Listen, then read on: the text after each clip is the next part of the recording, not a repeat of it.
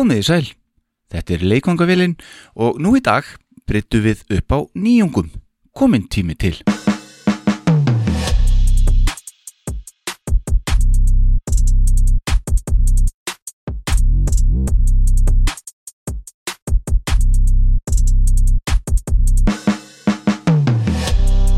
Frá því að leikvangavilin fór fyrst í loftið árið 2019 hef ég fengið marga góða gesti yngað í stúdíuðu til mín. Í COVID var lítið um gestagang og því hóf ég þá að framlega þætti um hinar og þessar hljómsvittir og tónlistarfólk sem eru höfðað til mín af einhverju leiti. Það mæltist vel fyrir hjá hlustendu mínum og hlustun á þættina jógst töluvert fyrir vikið. Fólk er nefnilega margt þannig að það vill heyra sögur. Þetta hafði ég í huga þegar ég fór að plana árið í ár, 2023. Í tæp tíu ár hef ég þekkt mann að nafni Jón Agnar Ólason og saman höfum við setið í gegnum tíðina og rætt allar mögulegar tegundir tónlistar og frá öllum hliðum að ég held enda er Jón Agnar eiginlega gangandi alfræði orðabók þegar það kemur að tónlist. Með þetta í huga þá datt mér í hug að plata Jón með mér hingað í leikongavélina þar sem hann kemur þá með málefni hvers þáttar sem við köllum þá Jónsmessu í þau skiptin. Í þessum fyrsta þætti þessa ás ætlum við að skoða 90's tónlistina og heyra nokkur velvalinn dæmi. Jón ætlar að leif okkar að heyra nokkrar glemdar perlur og ég kem með á móti örlítið brot af svokvöldum One Hit Wonders en af nægu er að taka þegar að 90's áratugurinn er annarsvegar. Það er eins og áður Böttvæsir Bútvar hinn tjekkneski sem býður upp á þáttin. Jónsmessa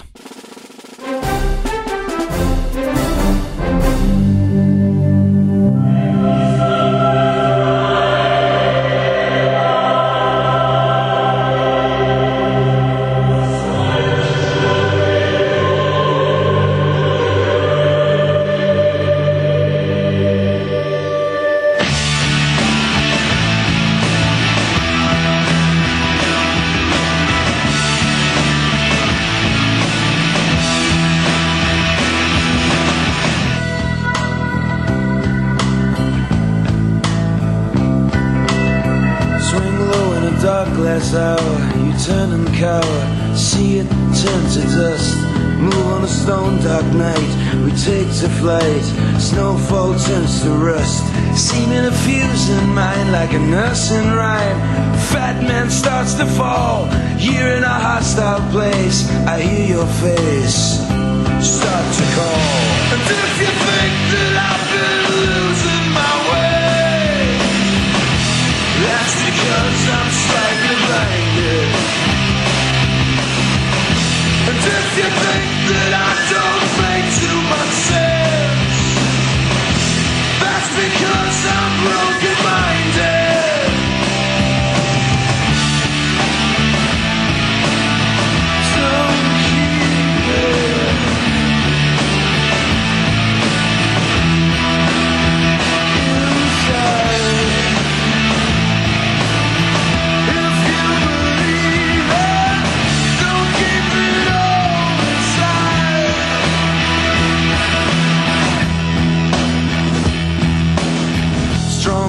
Words Ganges sky. I have to lie. Shadows in pairs, ring out from a bruised postcard in the shooting yard. Looking through the tears, out of the black slate time, we move in line, but never reach an end. Falling along straight down as the ice comes down, rivers start to bend. And if you think that I've been losing my way.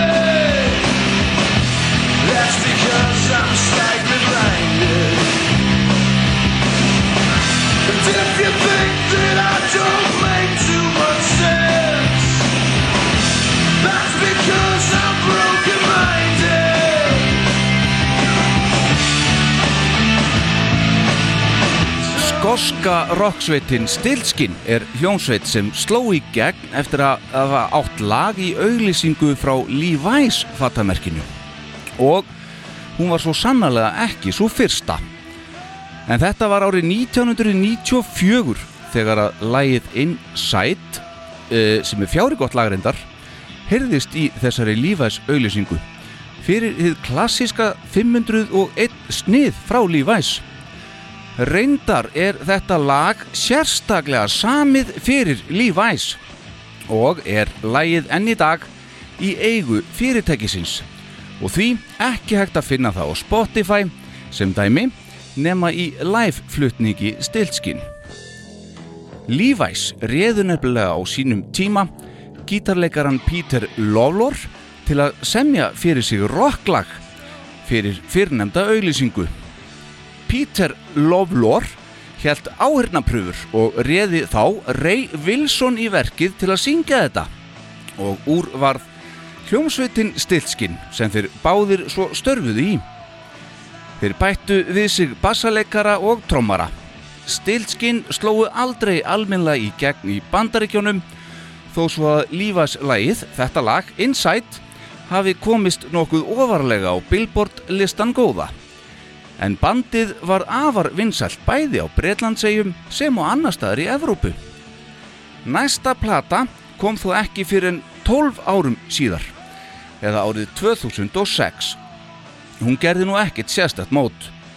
Eini meðlimurinn sem að kemur fram á báðum þeim plötum er söngvarinn Ray Wilson sem hafði þá í millitíðinni tekið við sem söngvari Genesis á árunum 1996 til 2000 þegar að sjálfur Phil Collins sagði skili við þá.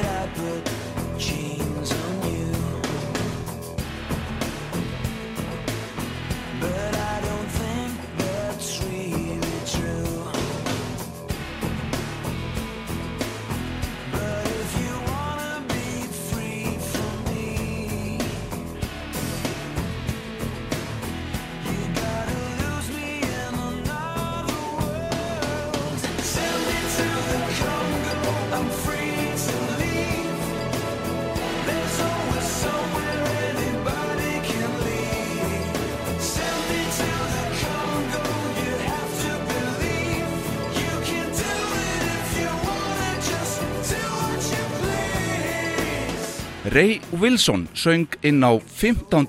breyðskjöfu þeirra sem jafnframt var svo síðasta. Stilskinn samt gáfu ú, svo út sína þriðju plötu árið 2011 og aftur með nýju mannskap. En svo plata hefur aldrei náð neinu flugi og kannski vandrar bara þennan Peter Lawlor en þá aftur í bandið, eða hver veit. En klárlega fellur Stilskinn undir One Hit Wonder myndi ég segja. Uh, Jón Agnar Ólásson, verður velkomin í leikfangavélina. Hjartans þakki minn kæri, takk fyrir Það hlaut að koma að því að ég myndi fá þig sem gest í þáttin.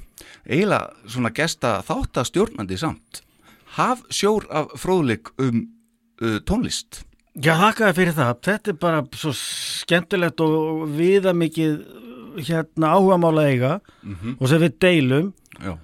Ég sem áhugamaður, þú náttúrulega sem, sem bransamæður svona allavega fyrverandi þannig að þar sem við erum nú afsömi kynnslóð og vorum mikið til að mótast á þeim árum sem við ætlum að bregðast ekkunugleirinn á í þessum fyrsta, fyrsta þætti af Jónsmessu. Jóns Messa, Yes. akkurat, nýr liður í leikfangavílinni. Já, þá, þá þótti já, vel tilfundi að dusta ríkið af nýjunni Mm skoða hvað flög hátt en gerir það eitthvað luta vegna ekki lengur því þetta er hellingur af því sem að það í gangi enn í reglulegri spilun Mhm. og, og svona mm, þú veist, eitthvað sem fólk hefur á hraðberginu enn, enn í dag annað kannski náði góðu flugi Mhm.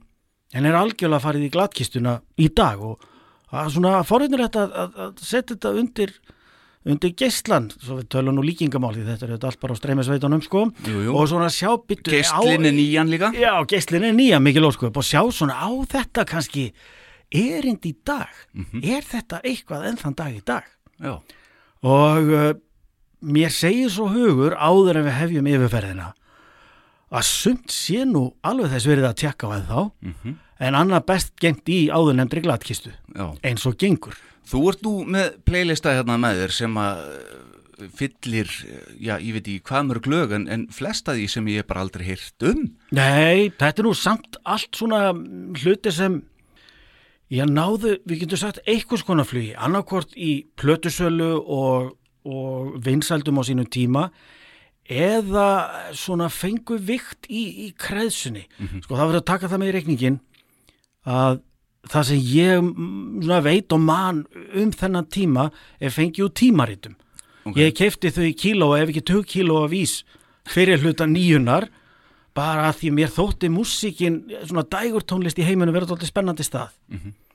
Hún tekur ákveðinu stakkaskiptum í, í upphafi nýjunar og mér fannst bara allt ógeðslega spennandi og svo þegar ekki voru liðnir, eða runnur upp þeir tímar að hvert mannsbarn er með internet í rasvasanum Mhm.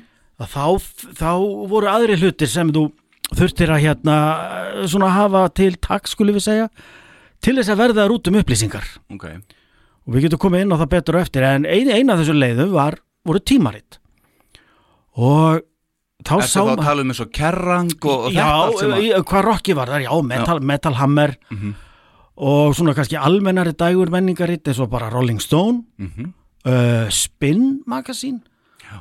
og, og því um lík sko, ég man nú, ég fargaði þessu öllu eitthvað tíman sko, þannig að ég man ekki alveg hvað þau öll heita en ég man svona kannski það sem máli skiptir af, af síðum þessara tímar þetta Já, mikið til og og jafnvel þótt að eitthvað band neti virðingar í bransanum og fengi flinka upptökustjóra og það, og það sem við getum kallað á vondri íslensku var með svona svolítið street cred. Að það gildir einu sko á hvað stað þú varst snemma í nýjunni ef að örlögin voru ekki með þér í liði þá fjaraði bara allt út sko. Og það, og það kom líka fyrir bönd sem seldu í bókstaflega miljónir eintaka af tiltekinni plötu.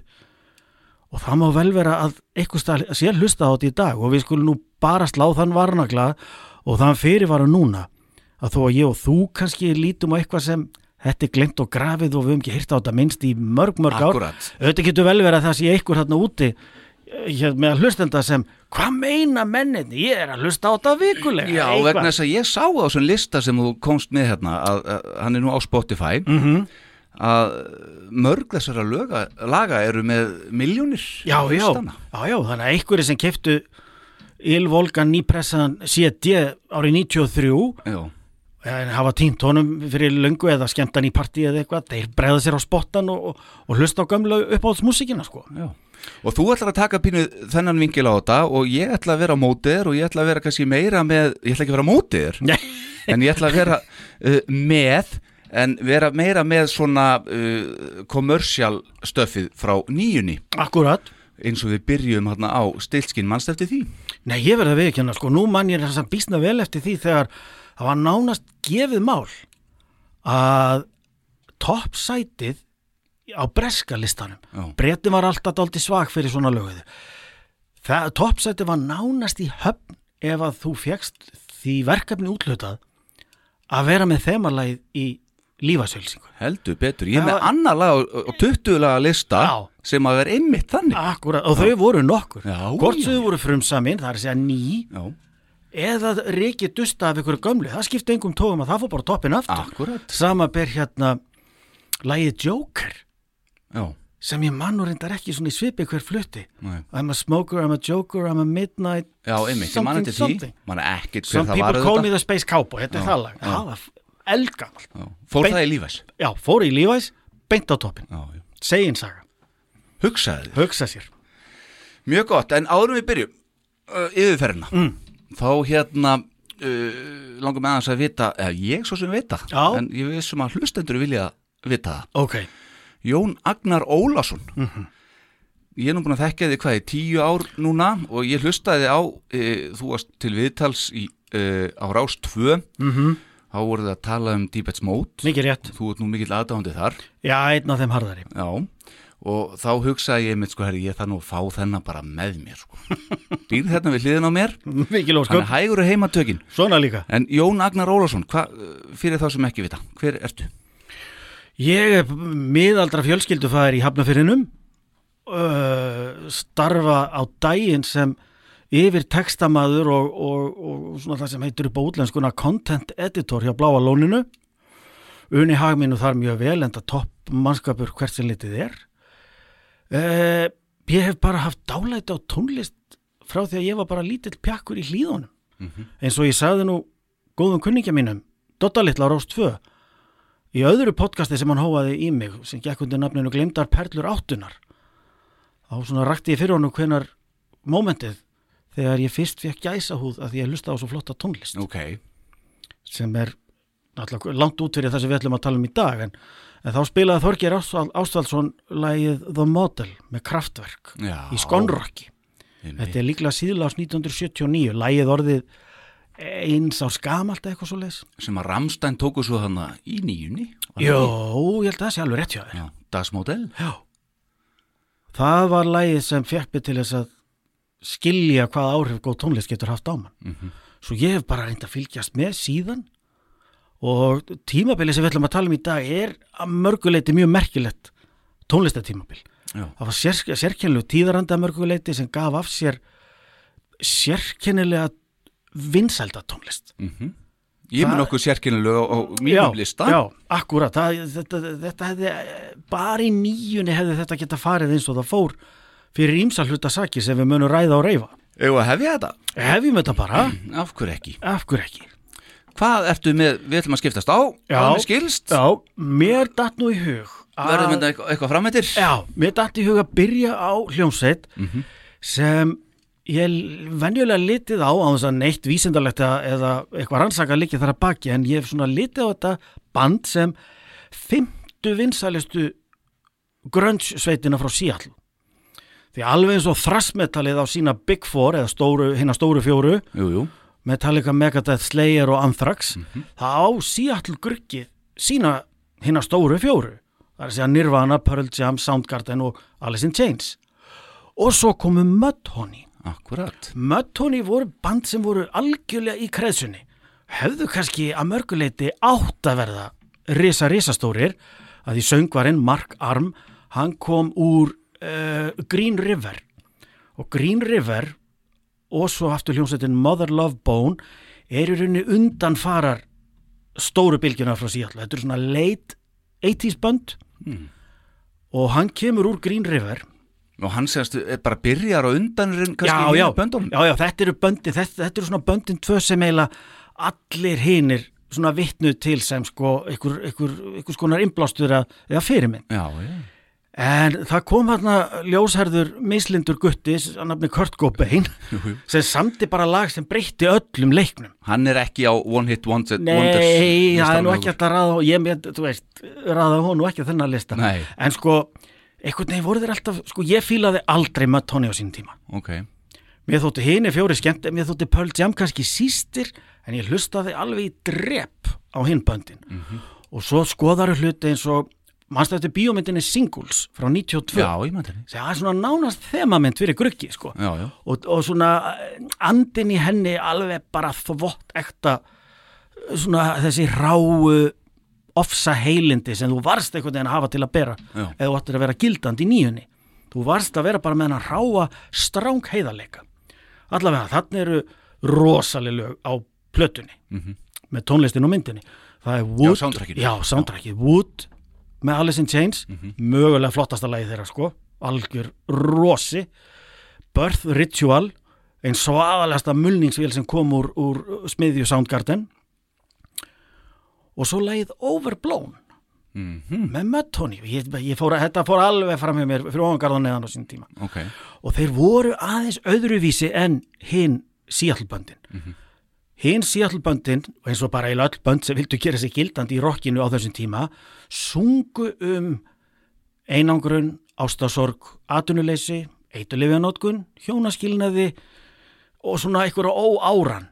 Það gekk ekkert annað en að vera miður sín og allt er ömulegt annars ertu bara ekki marktækur En hvað var það? Me, ég vei, veistu, ég gerir mér ekki alveg grein fyrir, ég hugsa þetta hafi verið gremjan í unga fólkinu, mm. henni margum töluðu X-kynslu, hún er þarna að komast á legg.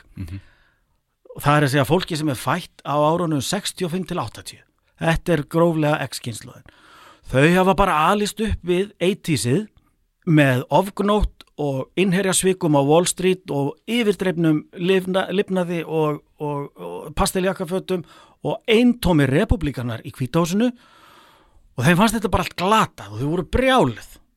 Og það er bara daldi gegnum gangandi fílingurinn í rocktónlist og óháðri tónlist allavega fyrir hluta nýjunar og ég man bara sko, ég kefti eitthvað til hann eintak af Rolling Stone magasín það sem var könnun eða niðurstöðu könnuna fyrir ekki. Upphafi árslíkla 93 hvað var það merkilegasta sem gerist á síðast ári?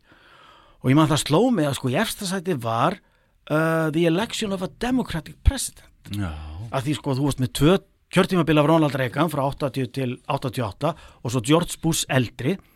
Þau voru bara fett upp á þessum hægrimönnum, unga fólkið. Og ég ímynda mér að þetta hafi verið daldið svona undiraldan að tíðarandanum einhvern veginn og möttóni voru bara pínu skjön á meðan hinn voru með ég að þú þekkir tónlist þessar að seita sig í taldu upp á þann möttóni voru meira í svona bílskúrsbrag og svona smá galsi og eitthvað. Þannig að þeir, þeir náðu aldrei alveg inn í blá miðjuna á stemmingunni. Ok. Þannig að í, ymmið, sko meiri sér þegar jaðar músík verður aðalmálið, mainstreamið þá eru þeir ennþá eftir sem áður pínu lítið á jaðrinum og mú- músíkin er bara öðruvísi. Og það kannski bara ekki úr vegi að, að rifja upp fyrir fólk af okkar kynslu sem öruglega upp til hópa mann eftir soundtrackjun úr singles að lagið Overblown var þar að finna Ok, og er að mörguleiti pínu svona lýsandi dæmi hvað var þar söng og hljóðfærileik og stemmingu. Það heyra það allir, þetta er ekki alveg það sama og Soundgarden og Alice in Chains voru að gera til að mynda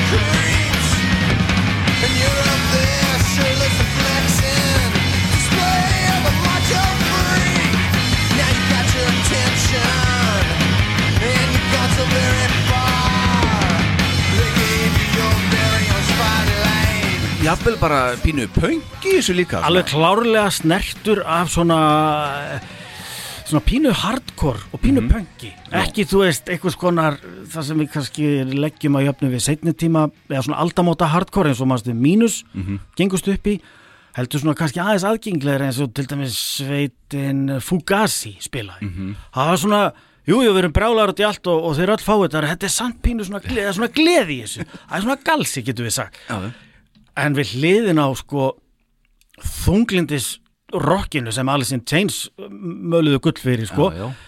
eða hérna vélsagaröttina hans Chris Cornell á góðri stundu skilur þetta er bara allt allt annað einmitt svo getur líka verið að Mudhoney hafi orðið bara svo uppteknir af af því að einhvern veginn verða the next big thing þú gast það ekkert á þessum tíma Nei, nei.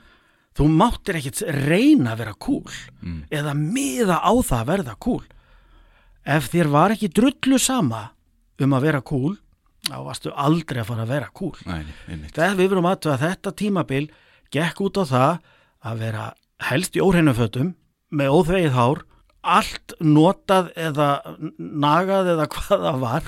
Annars varstu bara ekki með trúverðuleikan Nei, því 80sið kannski þar er munurinn að, þar þurftur að, hafa fyrir því að reyna að vera cool axlabúðanir og hann ertu með kjarnamálsins að því tíðarandi bara hvers áratöfu fyrir sig það er svo auðvelt að horfa á þetta bara með tilliti til bandaríkjana því þau eru svo mikið svona, eru svo bara smættu mynda mörguleiti af heiminum sem við þekkjum allavega.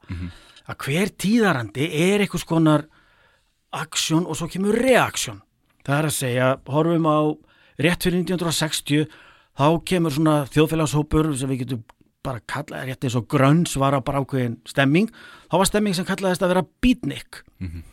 Og þ- eða þá var, þú veist, þú talar um hópin beatniks.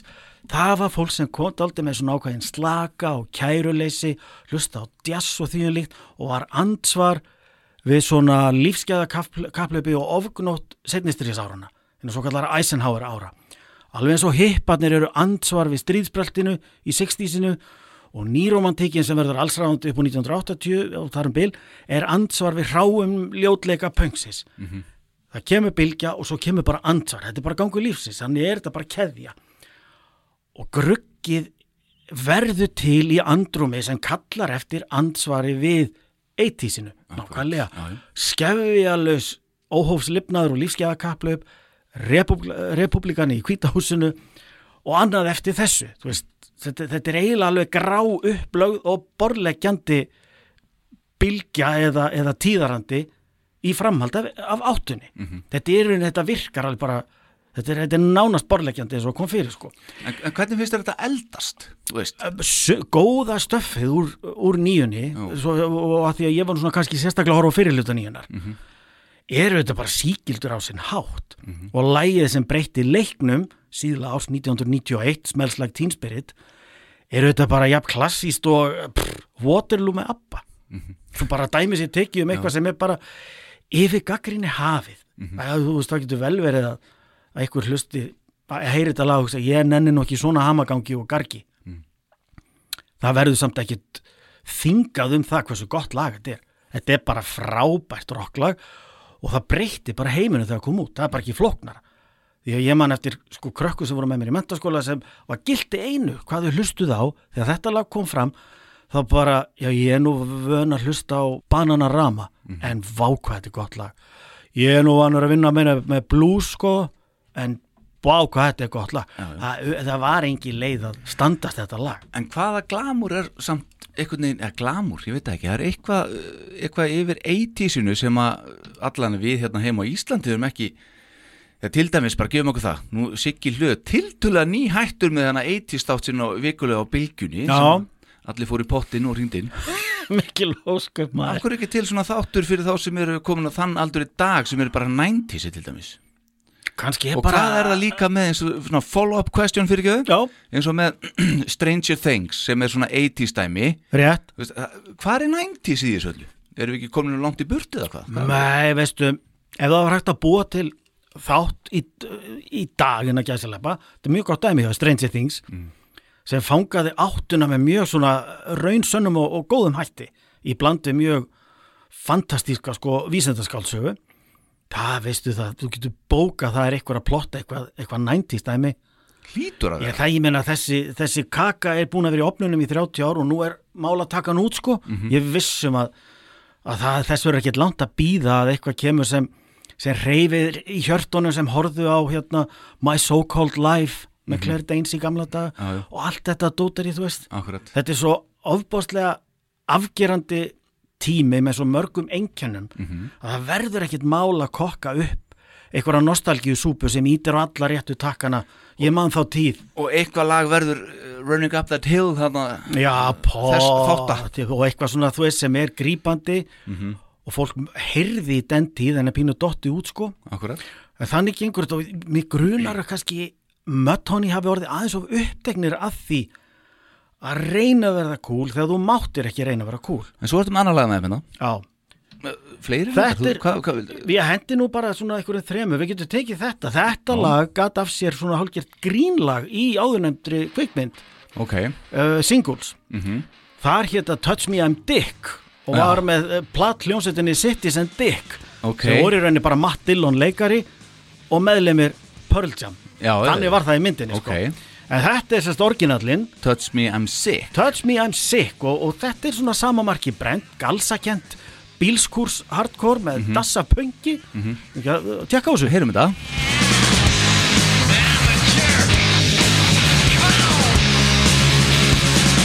Touch me,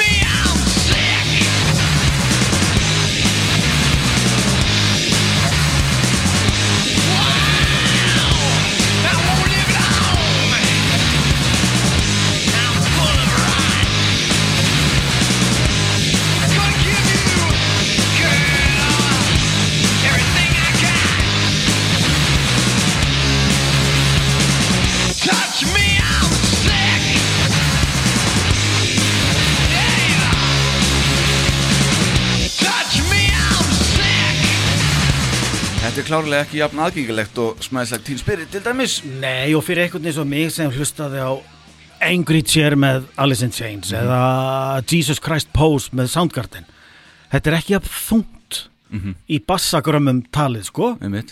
og þetta er meira bara svona rátt og, og einhvern veginn urgandi bara eh, svona, það er bara, pö- það er bara pönk í þessu Mhm, en sko algjörlega. máli með Mark Arm kannski að því hann var á undan í raunin Nirvana komin bæði með sko bandið Green River og Mudhoney og svo kemur bara áður nefndu Kurt Cobain með eitthvað tríó og sigrar heiminn á einni nóttu. Mhm. og þegar ég segi sigrar heiminn þá er það ekki verið að færi í stílinn. Sko Nevermind þegar mest létt þá mokaði hún út 300.000 eintökum á viku. Hugsaði gera þeirri betur. Einmitt. en það sem hann, sko lagi sem við spilum á undan með þeim hérna Overblown sem var í singles og kom út á plötu árið 1991 sem heitir All Good Boys Deserve Fudge. Þegar súplati gefin, eh, tekin upp þá er hann rosalega upptekinn þetta er aldrei góð saga af tölunni 606 hann Mark Arm, söngvari eh, Mudhoney Ok, og það er spurt, er þau ekki að taka þetta upp aftur? 606 baby. Ef ekki að ráða eins flinkari upptökustjóri þetta mark 606 baby. Og það, veist, það komst bara setni, hann var svo upptek, upptekin af tölunni 606 Já. vegna þess að það hafði kostað 606 dollara að taka upp Bleach já. sem var frumraun fyrsta, eða fyrsta plata, Já, já. Nirvana. Einmitt. Það fylgdi kannski ekki sögunni að hendaði honum ekkert að hafa þá hraðbergi að budgeti fyrir Nevermind plötu nr. 2 var 65.000 dólarar Já, já vildi Það heyrist líka. já, já, hann vildi meina þú veist, við verðum að hafa þetta strángheðalegt og rátt og einfalt Já. og meiri segja, ég veit ekki alveg hvað græjur þið byrja á að nota þegar tóku upp þessa þriðju plötu sveitarnar Mhm. All Good Boys Deserve Fudge en hún er þóttu upptökuna svo strömlínu lagaðar og fínpúsaðar að hann vildi henda því og byrja upp á nýtt með nýjum græjum og platan er tekin upp á áttarása græji Já, já. Og það heyrist alveg. En þarna spyrir maður sig er ekki pínu svindl að vera í bílskúrsfíling þegar þú þarft ekki lengi? Það sem gerir bílskúrsfílingin svo heitlandi er að hann er bara villir í nöðsin neyðin er að kenna nögtum guttum að spinna út í bílskúr. Akkurat. Og það er bara spilagleðan sem drífað áfram. Er þetta ekki orðin pínu tilgerð þarna? Það getur Nei, grunar að fólk hafi þetta er ekki nógu töf fæði fínt, fara út í bílskúr og takt upp áttar á sér eða þú átt ekki bót fyrir borun á þér en gauð, þú ert að gefa út þriðju plötuna þú veist royalty í Seattle þetta eru stælar. Já, ég skil. Ég Og fólk hefði bara í gegnum ég er svona pýr, ég velti því fyrir mér því að sko, einhver luta vegna náði Mudhoney ekki inn í inn í þennan instakjarna þessara stóru fjóru. Það er alveg hreinu sko. Og Hvar eru þeir í dag? þeir eru bara gott ef þeir komu ekki saman aftur eins og þessi gömlu bríni koma náttúrulega öll saman aftur sko og ég ætla aðeins að stíga fram fyrir skjöldu fyrir mína part og segja mér finnst þetta yfir betra með þótti að þá. Já, það er svoleiðis. Já, ég, að- ég sé Setur þetta á heima? já, ég mun gera það í framhaldinu svona eftir að, eftir að þessa endurfundi núna sko, ég ánáttúrulega geisladiskinn af single soundtrackinu og mun örglega ekki skipi við lagið Overblown hérna í frá þessu, ég gerði náttúrulega öll mín táningsár, Akkúrat. alveg miskunarlust Herðu, var að halda áfram? Höldum áfram. Næsta band, er ég og það Yes, Ég hugsa að ég er með svo mikið en ég ætla ekki, sko, og þetta er allt úr sikkuri áttunni. Á, kóttum eitthvað. Green Jelly. Green Jelly voru, voru skondni gaurar. Já, heldur betur. Sko, uh, bandarískir Ford fræg svona green rock hljónsveit á, svona novelty bandi svo að kalla þetta Já. á. var stopnuð árið 1981 uh, hún sendi frá sér sitt fyrsta efni árið 1984 sem gerði uh, ekkert að ráði fyrir þá en það jafnvel ekki einu sinni ætlunin að maður geti haldið.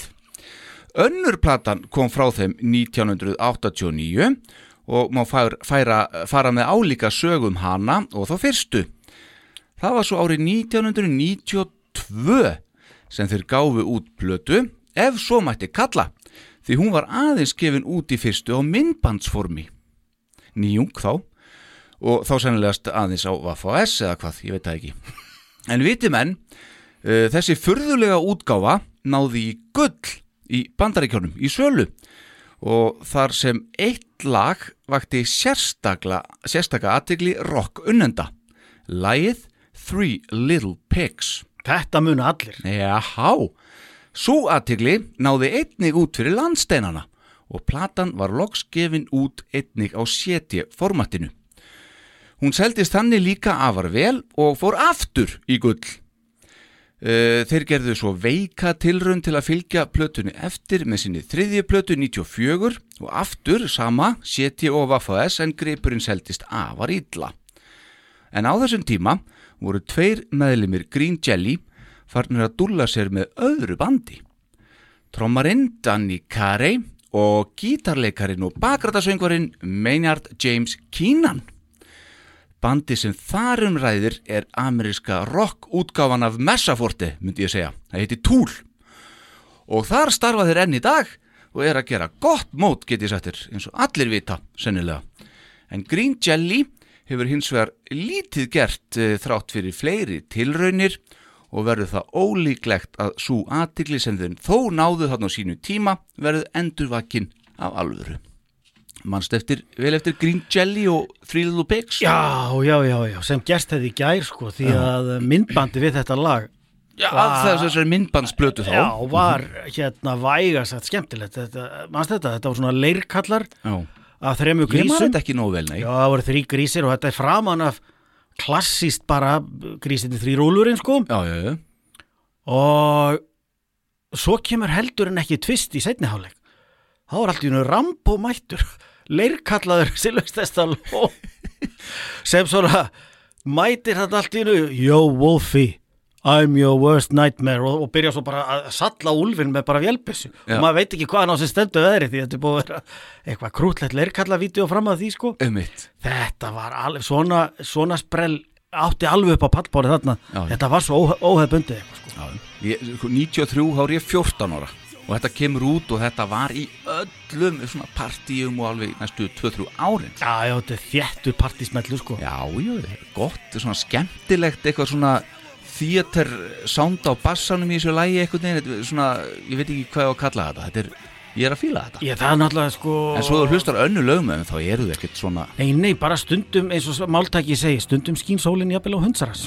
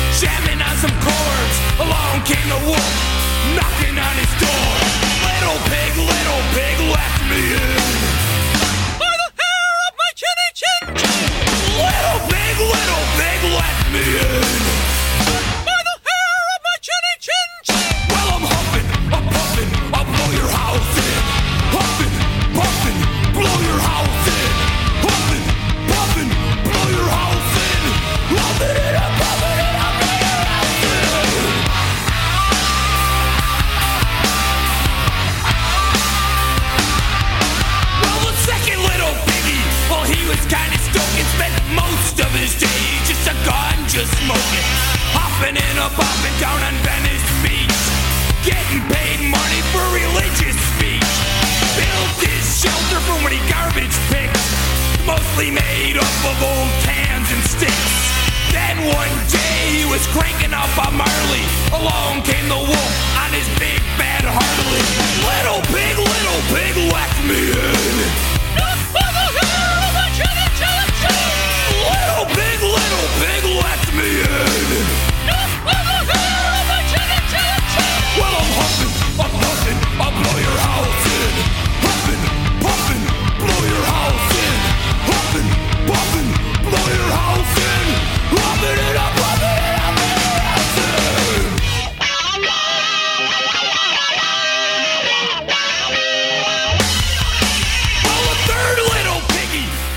Já, en sko, náttúrulega, fólk þekkti sögun af grísunum þremur, þannig að kannski hérna, gæti eitthvað hafa hjálpa til. Já, já, og það spilt ekki þetta tvist þegar að Rambo mætir galvaskur með Nei, þú varst að sína mér einmitt. Þetta, þetta er mjög gott og sk- skondið atriði. Bísna gott bísna gott atriði og, þessu. og, og svona ítti undir þetta, þetta grín element sem, sem var sjálfsagt bara daldi kær komið frá öllum dauðanum og djöflinu sem var ær og kýr dægutónlistar á þessum tíma. Já, já.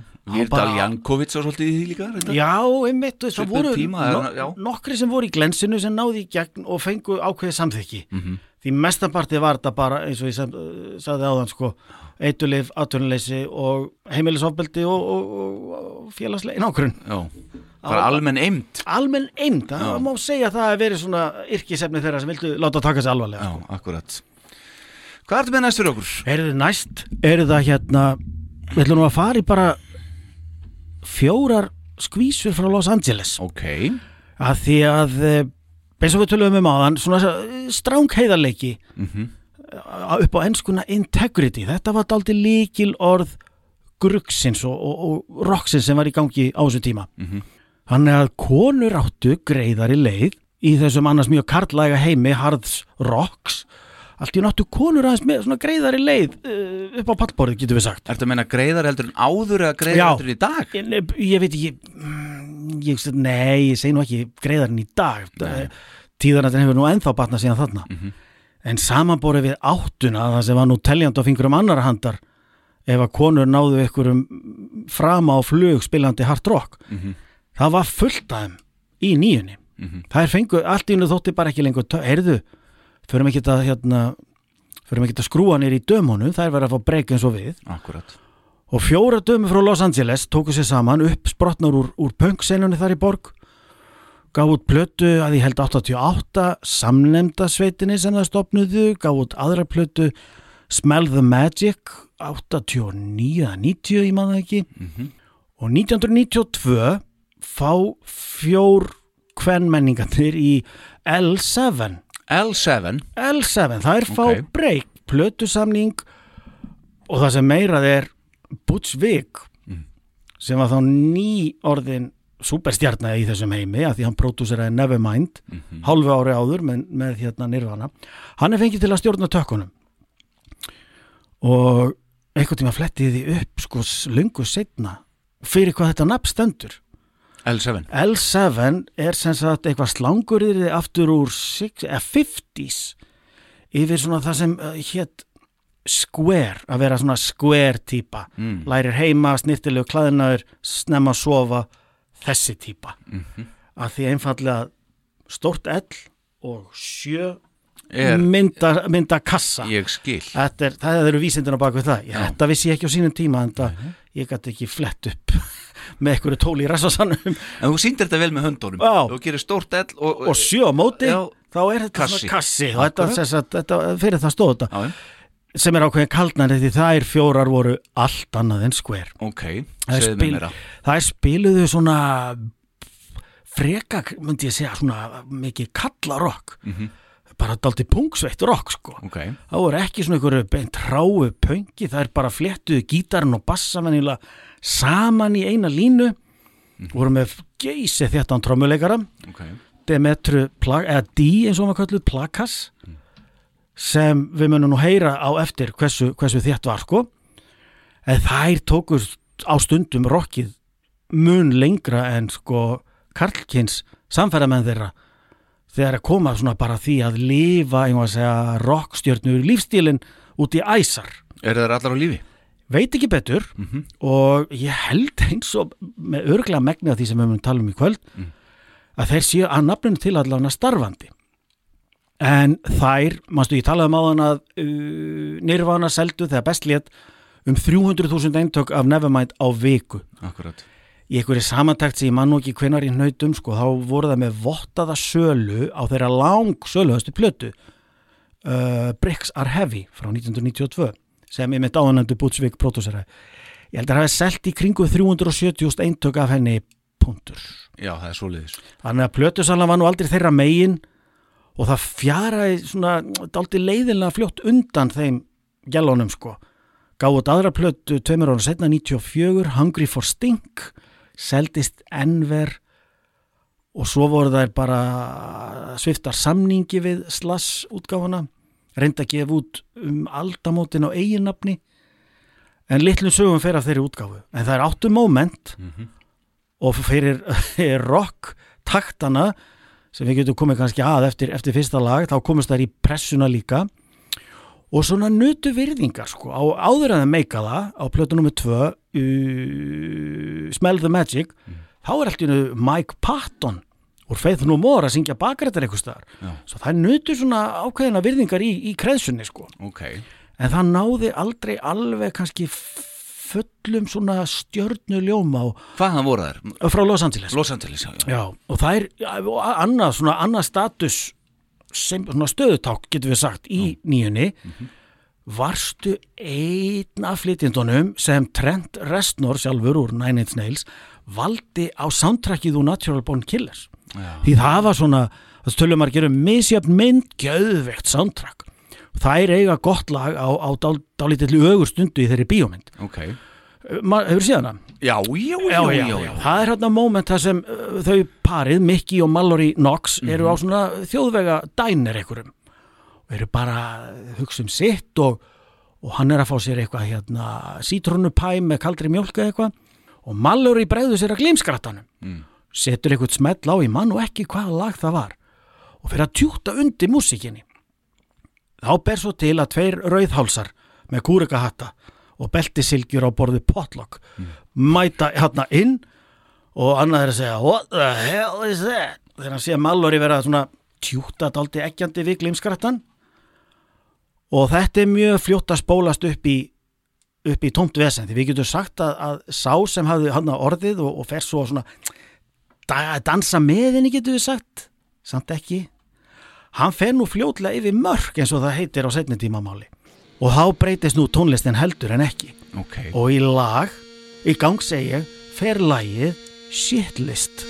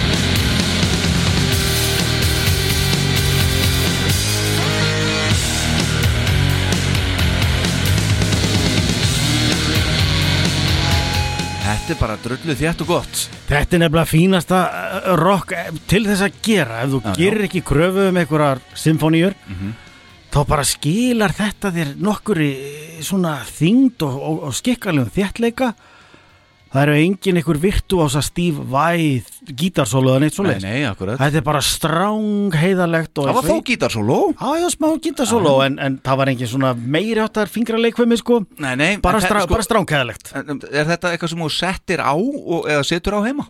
Ég hlusta nú reyndar ekki sjúklega mikið á þetta. Ég gerði það nú samt, alveg áður en uh, svona þessi hugmynd okkar á milli kom upp um að henda í svona í svona Jónsmessu? Já, hendi Jónsmessu sem við dustum rokki af, af einhverjum lögum úr nýjunni.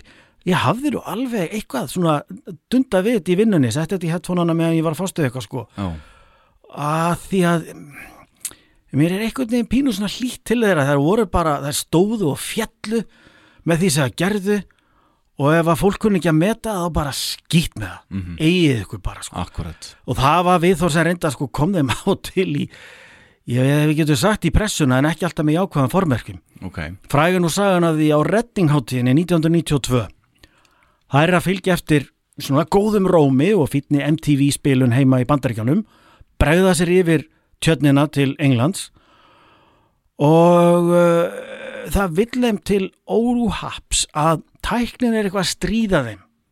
Eða þeir eru svona að reyna að byrja tónleikana sína uh, og fljótlega fenn og múurinn fyrir framann svið að ókýrast eins og verða að vill á svona hátíð þá er náttúrulega grasi allt orðið að einhverju svaði.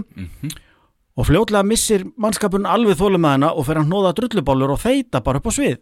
Já, Einn þeirra lendir í hvort það var söngkonan Donita Sparks sem brjálast nett við að fá drullubólun í sig. Hún einfallega seilist söður á bógin eins og maður segir, söður á naflanum, tósar í spottan, tósar út túrtappa. já, Væntanlega því það var bara sátími mánaðarins. já. Og hann var þar að leðandi ækkur liti notaður. og hún flengir hún út í árættaskarðan og segir, ég þið bara túrtappa minn, drullumeilitnir ykkar. Hvað segir? Já, þetta komst náttúrulega í mikla umfjöllun í hennu síðprúða Bretlandi Já, já, og þetta þótti, þetta bara er held ég ennþá þetta í dag, svona almennt skjálfest sem mögulega sóðalegast í rockgerningu sögunar. já Það er bara ossi og leðublakan og þetta Ég glif, leðublakan er bara barnaskapið við leiðin á túrtaparum, það fylgir ekki sögunni allan að manni ekki eftir því, sko Nei. frá því tímarita yfirlegunum minni hérna fyrir 30 árum hvort það fylgdi söguna hvað hann lendi, hvort eitthvað fekk hann bara milli augnana eða hvernig það var Já. en hafi eitthvað haft ræn á því að hyrða þennan rock minjagrip þá er þetta nú ekki eitthvað sem ratar í glerkassa með, með skildi á hardrock þetta er ekki þesslegt.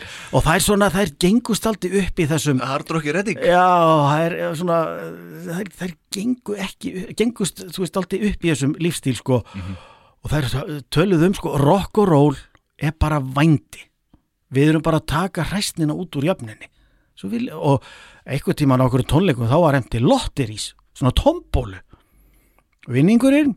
Að fá að eyða nótt í, í hérna hljósetarútunum með díplakas trommuleikara. Og einhver lukkur Og gekk vinningur nút Það er mér skilst það. Það er svona, þannig að þær, þær rötuð í fréttinnar og svona höfðu ímislegt til að bera en einhvern veginn skilaði þetta sér aldrei sko með jafn afgerandi hætti í plötusölu eins og hjá mörgum kollegum þeirra sko. Og svo við tölum um aðra hljómsveit sem var allan að mestuleiti skipuð konum Hól Mhm. með Courtney Love. Já, já, hún örgulega selt sko 15 falt eða eitthvað á við L7 já. Ég persónulega tengdi nú aldrei sérstaklega við hól en það er önnur saga. Þannig að það er, það er ekki allt kosið í þessu lífi sko, en þeirra góðsögn í svona í rocklipnaði, hún er alveg tryggð því að sagan frá Redding, hún, hún lifir góðu lífi sko. Já, akkurat. En svo ertu með annar lag með þannig Já, þeirra svona líklega frægasta lag og mest spilaða er af áðurnemndri Brixar Heavy plötu, Já, sama plata. Sama plata og þetta er svona, sýnir að þær höfðu alveg svona nett við nettan sans á melodíu líka. Þetta er ekki þetta er ekki eitthvað hardcore og þetta er ekki neitt sérstaklega hratt eða hrátt eða neitt. Þetta er bara haganlega sami lag með svona þéttum gítarbassa einhvern veginn og þegar hún vill þá syngur Donita Sparks bara býstna hugulega sko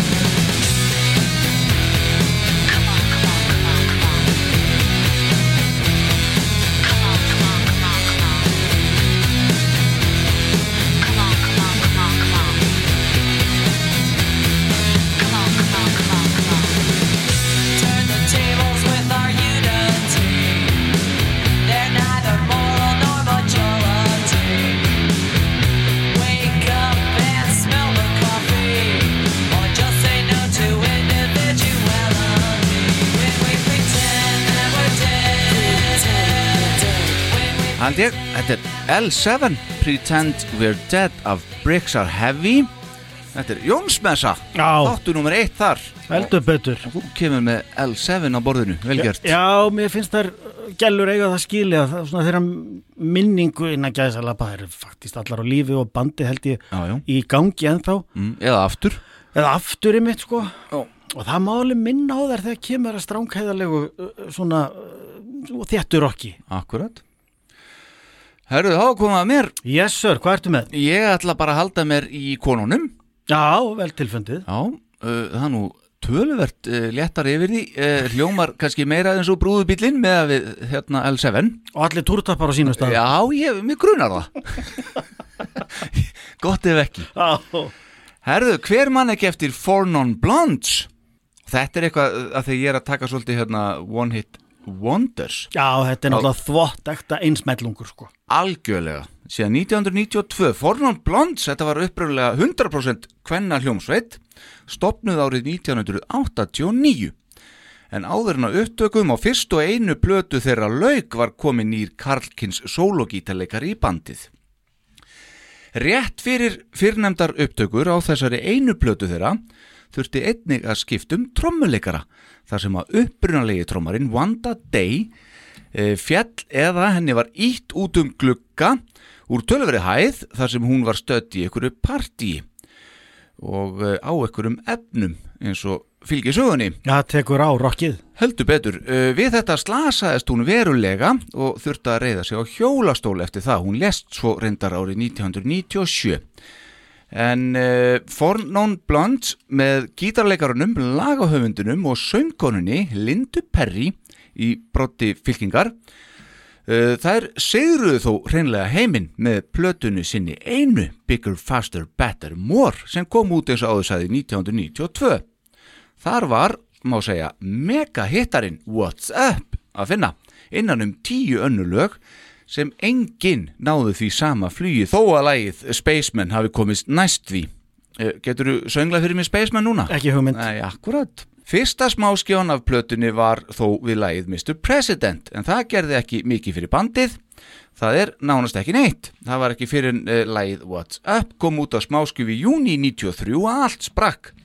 Lagið toppaði gjössanlega alla vinsættalista út um allan heim og hefur selst í mörgum miljónum eintaka og hlotið fjölmörg verlun. Fornón Blönds hættu svo árið 1908 nei, 1994 þegar að upptökur á annari plötunni þeirra stóðu sem hæst og það var vegna gríðalegra óanægu og spennu sem var farin að myndast í bandinu. Þá bæði listrætt ágreiningur en einni sagði svo Linda Perry frá því síðar að það hafi farið illa í aðra meðlimi bandsins hversu opinn hún hafi verið um kynnið sína en hún er samkynnið eins og fleiri meðlimir fornan blonds voru reyndar og vandalega eru. En hér verðum við líka muna að þarna er árið 1994 og kannski ekki alveg sæmi liðleikin hann í gangi og er í dag. Nei, það er ekki alveg sama umbörðalindið Nei. En þetta er svona lag sem að maður mann og vel eftir þessu. Já, já, já, já Það, það sönglaði þetta svona fyrir munni sér annarkveð maður sko Já. Þetta var bara eitt af þessu lögum sem eins og, eins og tala var um tröllreið öllum vinsældalistum Akkurat. Það var bara þannig og, og bara grift inn í minninguna frá þessum árum, ég hef nú aldrei haldið tiltakalega upp á þetta lag sjálfur. Nei. Ég þurfti aðeins meiri að, meiri atvinnuleysi og, og, og, og, og allt þetta, alla eimdina. Já, ég skil Ég segi bara, what's up? En ég meina þú kveiktir ekkert á útarpi á þessu tíma nema að heyra þetta lag. Nei, nei, En þetta er eina platan sem þeir gefa út og þetta selst svona vel og þetta verður svona vinsælt, verður svona frægt, já, svo bara búið. já, já Getur það erfitt að takast á þetta? alveg öruglega að, að sigra heimi með einu lagi og fyrir ekki gott fólk, ákveður fílið ekki hitt út okkar, sko. um mitt. En hvernig, hvort það var bara þetta viðlag I said hei, hei, hei og út í þá ekki. Það þurfti bara ekki meira, ég veit það ekki 25 years and my life is still trying to get up that great big hill of hope for a destination. I realized quickly when I knew I should that the world was made up of this brotherhood of man. or whatever that means, into a crisis.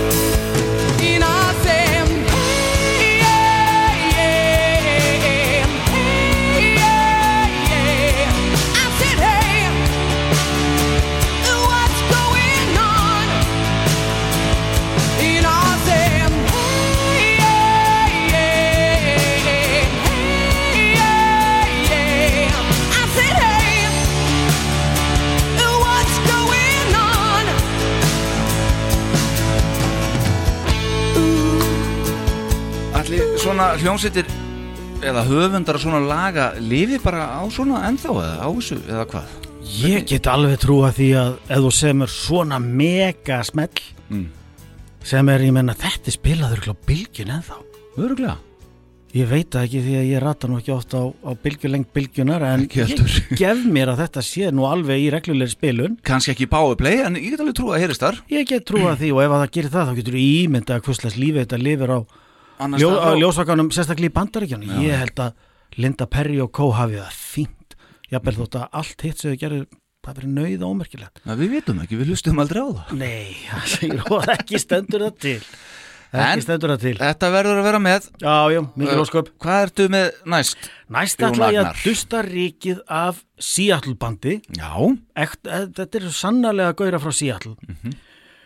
Sem gerðu það gott þegar þeir gáfu út samnönda plötu, þeirra fyrstu, Mhm. árið 1993.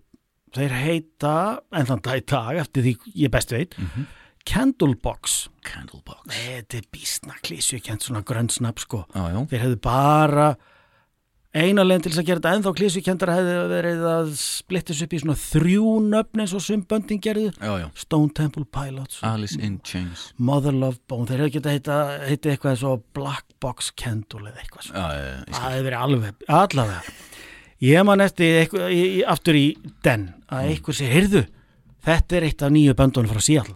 Þetta þarf þú að heyra. Og bönd sem gáðu svo út fyrir að spila hard rock og komið frá Seattle. Þau voru bara með ákveðna meðgjöf. Bara, ertu hard rock frá Seattle? Leið mér að heyra. Já. og ekki bara áttu þetta við um hlustendur sko sem voru til í þetta.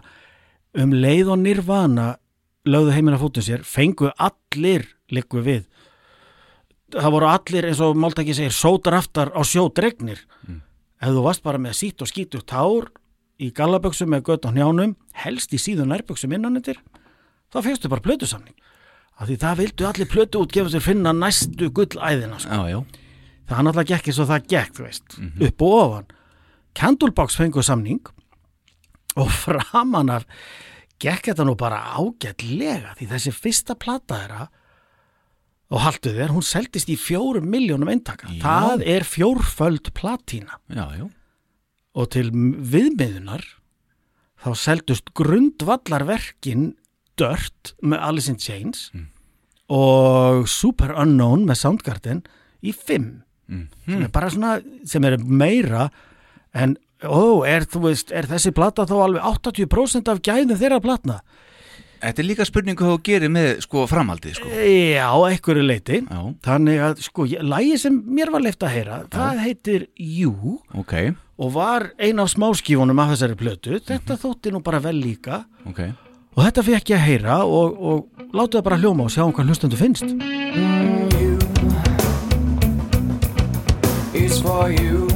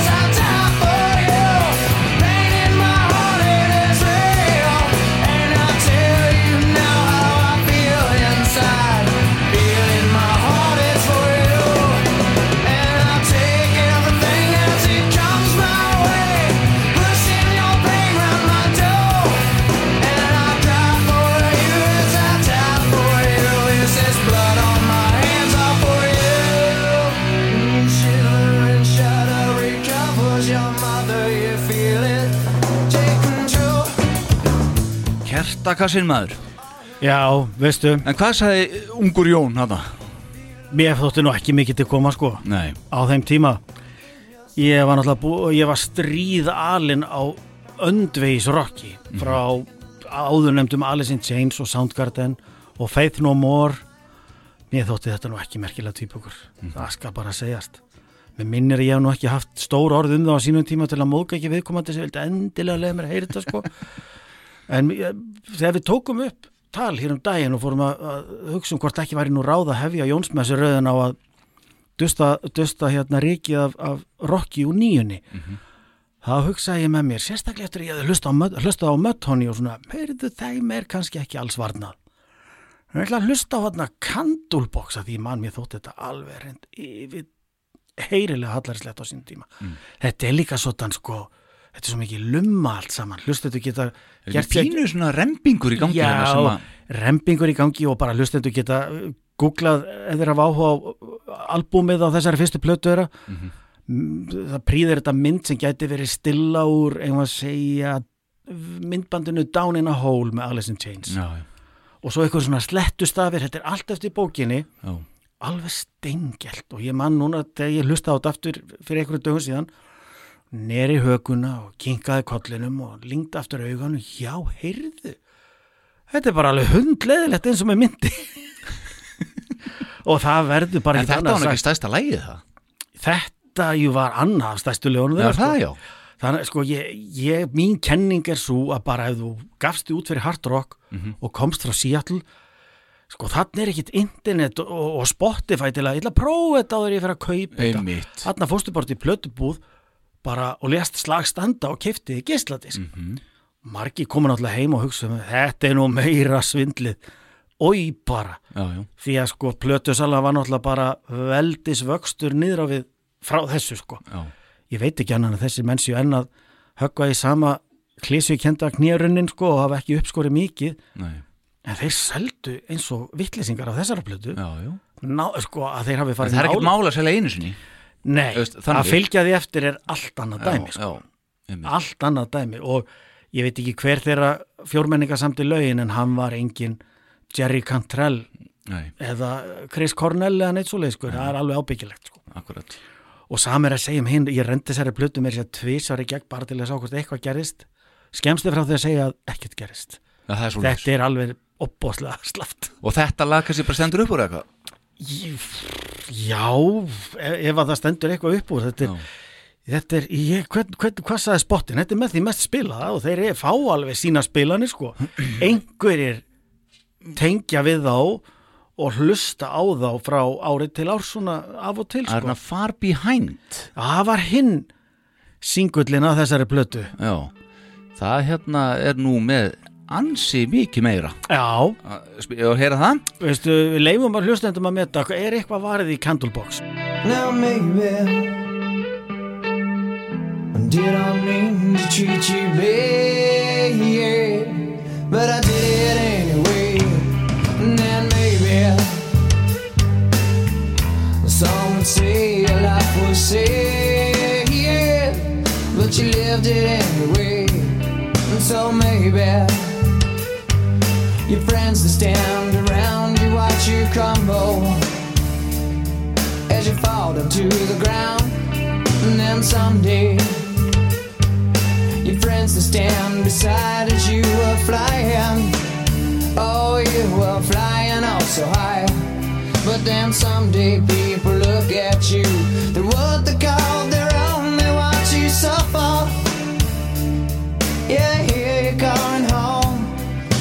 someday we could take our time to brush the leaves aside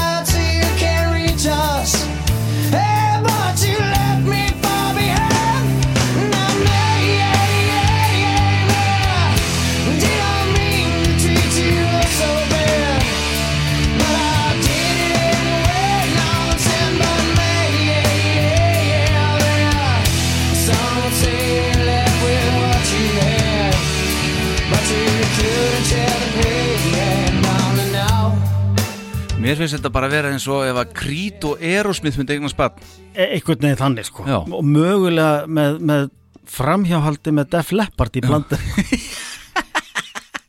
Þannig að þú sér þetta á kannski ekki ríka skýrskotun til dagsins í dag sko. Nei, nei. og ekkit stór undalegt að þetta sé svona ekki á hvers manns vörum sko. Akkurat. En þetta, En ég myndi eftir nafninu samt alveg, Candlebox. Ég kallaði góðan sko, því að en ég ég, hlusta aldrei á þetta. Ég, ég man ennþá þegar að þetta var borðið á borð fyrir mig einhvern tíman, þegar platan er kannski árskumulsamt mm. -hmm. þetta hafi verið 94 ég held ég hafi bara hvorki heyrt nafnið nýjan eina tónlist haft af þessu bandin eina spurnir.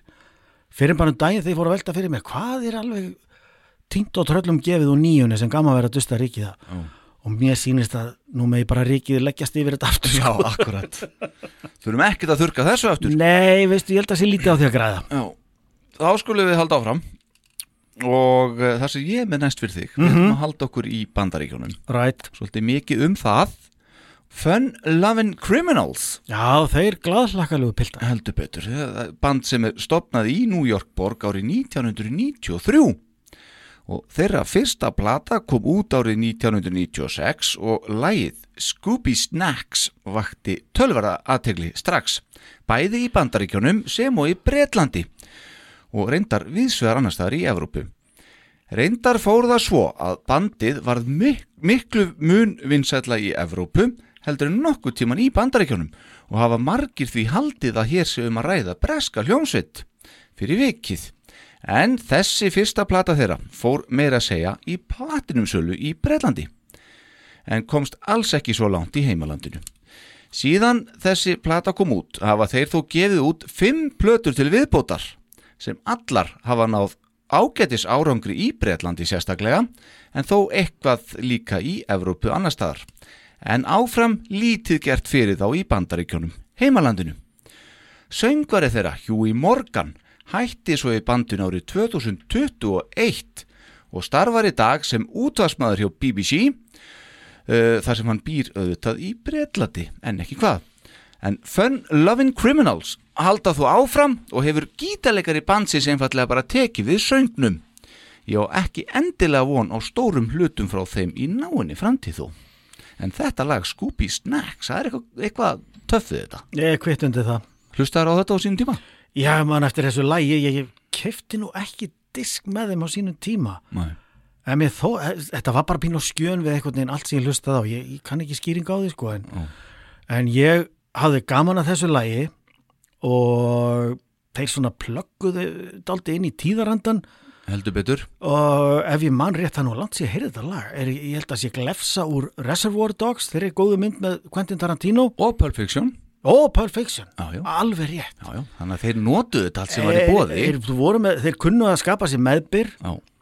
og ég man ekki hvað plata nummer tvö heiti frá þeim en ég hlusta á hana talsvert Ok. síðan meir þannig að ég, ég hef alltaf haft svona taugar til Fun Loving Criminals Má Sjó, það, 100% Colombian hér já, hún kemur 98. Am. Mm Svo kemur Mimosa 99 og hún ger, bara gerði nákvæmlega ekki neitt. sko. Nei, ég hef enga spurnir af þessu bandi síðan þessi plata kom út 98 En hugsaður, þeir eru hann það. Já, merkja, mm. megnið af þessu liði sem byrjaði að telja í sko fyrir 35 árum jafnvel, Já. þeir eru ennað Everybody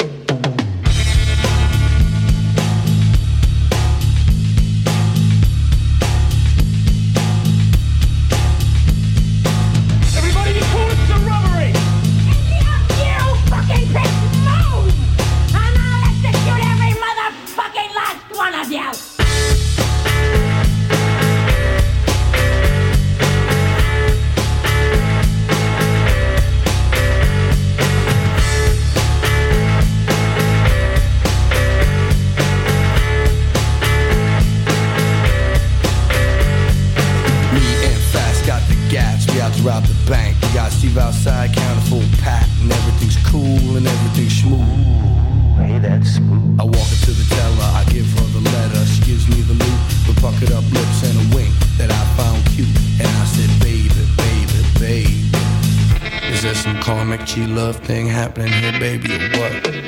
By that time, fast tapped me with the 90, said it's time to blow, you know. So out the door we go, back to the ride. Steve inside and alive, and off we drive. See, I hurt my lower lumbar, you know we never get far riding around in a stolen police car. So we dropped it off and piled in the caddy. Steve was driving, cause I had to talk to my man. Cause I don't know anything about about any fucking setup. You can torture me all you want. Torture you, that's good, that's a good idea. I like that one. Running around, robbing banks, all whacked up with screwy snacks. Running around, robbing banks, all whacked up with screwy snacks. I don't give a fuck about the Hell's Gate. Hvernig á að búi til eitur töff lag 101 sko Já, veistu, þetta er bara þræl skemmtilegt Þetta er það Ég hef bara mjög gaman að þessu. Æ, Þetta er eitthvað sem ég myndi alveg henda á eitthvað allavega playlist af hvort ég myndi renna plötunni í heild ég þyrfti nú að tjekka á því sem sko en Já, þetta lag, ég er alveg til í þetta anytime. Já, þetta, mér- er bara, þetta er bara velhefna Finnst þetta ógeðslega flott í þeim. Já, þetta er skemmtilegt. Við erum að eiga það. Ég mega eiga það. Fyrra hittari. Yes. uh, Herðu, þá höldum við áfram. Já, Hvað viltu við fara í næst? ég var hugsa um að fara aftur í dálítið svona, ég má segja kvenlæga músík. Ok. Að því eins og við tölum um hardrock er að í eðli sínu eða sögulega séð óttalega karlægt þannig lagað.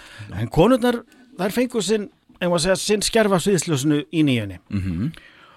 og hér er lag, hér er hljónsett sem ég myndi eftir, mann eftir að hafa heyrt í á X-inu 977 fyrir daga internetsins þá var fyrir mína kynnslóð X-ið sem var tiltölu nýtt hérna, ný útastöð í nýjunni þú hlustaði bara á hana til að heyra hvað var nýtt. Það var bara þannig. Þar voru svölust útastmennir Sigmar Guðmunds. Fossi, þessir menn sko. Akkurat. þessi menn sko. Þeir sáu mann einfallega fyrir því hvað var nýtt og hvað var gott.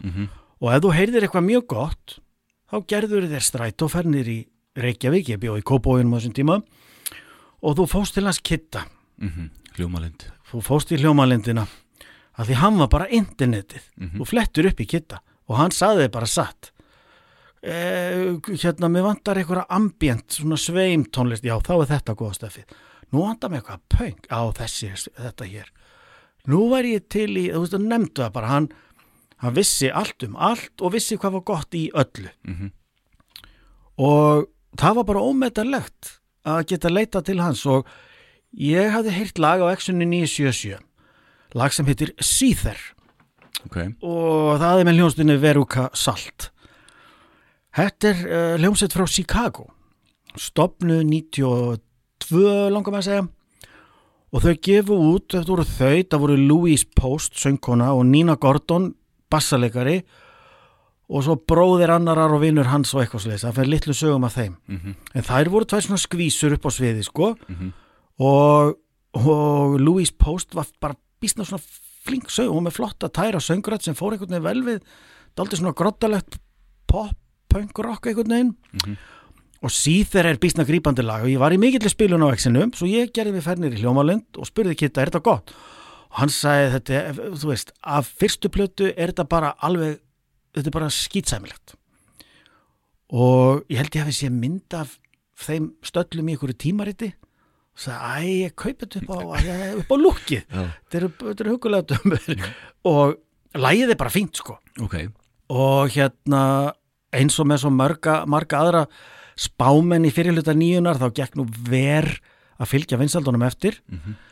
En þessi plata rataði á alls konar einhverja lista, veist, ég held um aldamótin að Rolling Stone Magazine hafi tekið saman lista bestu grönnsplötunar og þessi plata var bara, þú veist 29 eða eitthvað ámóta Já, ok. já, já, Já, já Þannig að þær svona eiga sinn sess og það er alveg fína músík að finna á þessari plötu. Já Og þetta lag var það fyrsta sem ég heyrði með þeim. Og, lét þig kaupa plötuna? Og það var nóg til ég kifti plötuna. Svona, svona gengur kaupin á eirinni fyrir sig Já, í den tíð. Þú heyrði lag og eða leist nógu vel á þá, þá, þá slóstu til og kifti plötu. Mhm. En þetta var nógu gott til ég kifti plötu.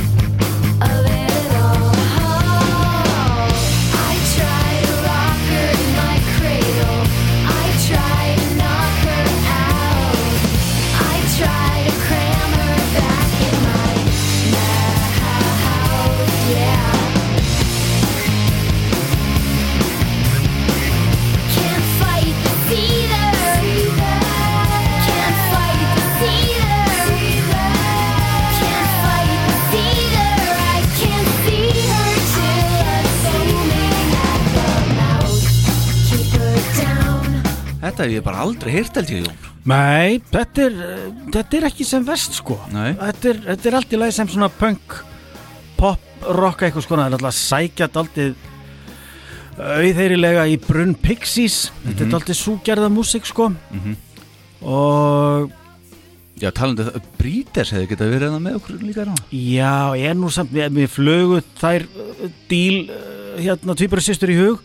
Kim Díl úr Pixies og Kelly Díl ég held að lögin sem sko þær náðu að gera vinsæl eins og Cannonball. Já, já. Það er, það er, það er ekki glemt það er ekki nógu glemt eitthvað Nei, ég var að reyna að taka eitthvað sem væri svona fyrir manni eins og þig og bransanum. Þú þurftir helst ekki að, að, að mun eftir því sko. Já, stendur þið vel í því. Já.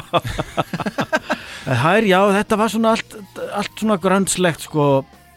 Þannig að með þetta band nafnið Veruca Salt er úr, er úr hérna bókinum um, Willy Wonka and the Chocolate Factory Já, ok Þar var eitthvað svona óþekk og illa uppalinn degurstelpa okkur þeir sem hétt Veruca Salt. Mhm. En Þetta band eh, átti nú ekki uh, auðvið langra lífdag, það fór allt í eitthvað listrænan ágreining eins og það heitir. eins og heitir Já, það er hendur nú stöllutnar ásand, eða hvort það var sami mannskapur, í aðra plötu 97, en heimurinn var bara daldið öðruvísi 97 en hann var 94 og fyrir bræði seldist svo plata ekki, ekki eh, held ég bara eiginlega neitt sko. Þessi, En þessi vel? þessi skilaði gullsölu það eru 500 stendök og svona já það er fengu manni rosalega spilun á MTV eflaust hafði útlitt Louise Post söngkonu eitthvað með það að gera. Hún var þægileg fyrir augun eins og sagt er sko og nú hljóma ég náttúrulega svo vesti nýju dólkur Ég er bara að reyna að sjá fyrir mig hvað eru margir að googla hann akkur núna. Þetta með því fyrirvera að ég veit ekkert um það hvernig síðustu þrýr áratug hafa farið með hana. Nei, nei. En, uh, en ég hafði gaman þess á sín tíma og reyndi ekki að skipta plötunni. Ég kefti hana út á eitt lag og mér þótti bara svona með við músíkina sem ég var að hlusta á þá mér fannst þetta allt í lagi. Þetta lag og eitt annað stóðu nú upp úr svona þegar alltaf sett upp á strik en þetta svona fjall að mörgu af því sem ég var að hlusta á þeim tíma. Þannig að, þannig að ég á svona alveg ágætis minningar tengt að þessu. Ok. Þá höldum við áfram. Mm -hmm. Ég er með fyrir þið næst uh, enska hljónsveit Right. IMF Já, Já, hún var bara stopnuð árið 1989 og aðeins árið síðar kom út lagið Unbelievable Já, og náði ótrúlegum vinsaldum heldur betur. Það kom út að smáskiðu þarna og eins og þú segir sló rækileg gegn út um allan heim og bandi var svo sannlega sagt eiga framtíðina fyrir sér. Þessi smáskifa seldist svo fáránlega mikið og hún komst víða á topp 10 í heiminum og allalega á toppin í sumum löndum, svo sem bandaríkjónum. Í, í læginu notuðust þeir við hljóð eða réttar satt köll frá sjálfum Andrew Dice Clay og uppistandi sem að hann hélt. Já, ok Lægið mátti svo að sjálfsögðu finna líka á fyrstu breyðskifinu þeirra sem kom út þarna ári eftir fyrir nefnda smáskifu. Það er 1991 þá og hún heitir Schubert Dip. Þessi hittari Unbelievable kerði áfram sölun á plötunni og seldist hún gríðarlega vel. Tvö önnur lög þó vöktu þó líka einhverja aðtigli, upphafslarplötunar Children og svo næsta smáskiman sem var gefin út I Believe. En hvorugt þeirra komst með tærnar þar sem Unbelievable hafði hælana. Og þarna eru þeir bæði búin að gefa út Unbelievable og I Believe takk þetta Já, hugsa sér. Þeir gáðu svo út tvær aðrar plötur árin 92 og 95 sem báðar floppuðu big time. Eftir það störfuðu þeir áfram en þó með hljegum og tilkynntu samt svo allt í einu í byrjun árs 2022 svona eiginlega upp úr þurrum að von væri á nýri plötu sem á gerðist og kom hún út í april það ár 2022 í fyrra. Seg, seg Það er ekki að spyrja því. Hún floppaði líka svona svakalega drengur. Enda útgáðu dagurinn 1. april. Þannig að við hverju átti að búast kannski. En þeir eru ennarinn að ná fyrri fræð og frama en lítið gengur. Eftir stendur þó alltaf hið stórgóða lag þeirra Unbelievable sem er minnisvarði um þessa fyrri fræð og forna frama. Heldur betur Hlustaður eitthvað á þetta? Ég, þetta lag, þetta, já, já, já, já meðfram meðfram svona hörkunni og, og, og, og, og hérna allri eimdini sem kom frá sko bandaríkjunum Mhm. Þá sko bretin lagðist ekki að sama ska, hann var ekkit alveg þarna hann Nei, var nei. meira að hugsa um út við fött og eitthvað svona aðeins léttara þegar umfjöllunarefni var annars vegar Já. og þessi menn fönguð bara ákveðin tíðarhanda Mhm. á þessum tíma þeir og Jesus Jones og fleiri Mhm. sem tóku svona þennan svona hástónlistartakt Mhm. Og, og fléttu það inn í svona músík sem var lítið, það var mjög auðvöld að dansa við þetta sérstaklega á einhverjum efnum sko. Já, já.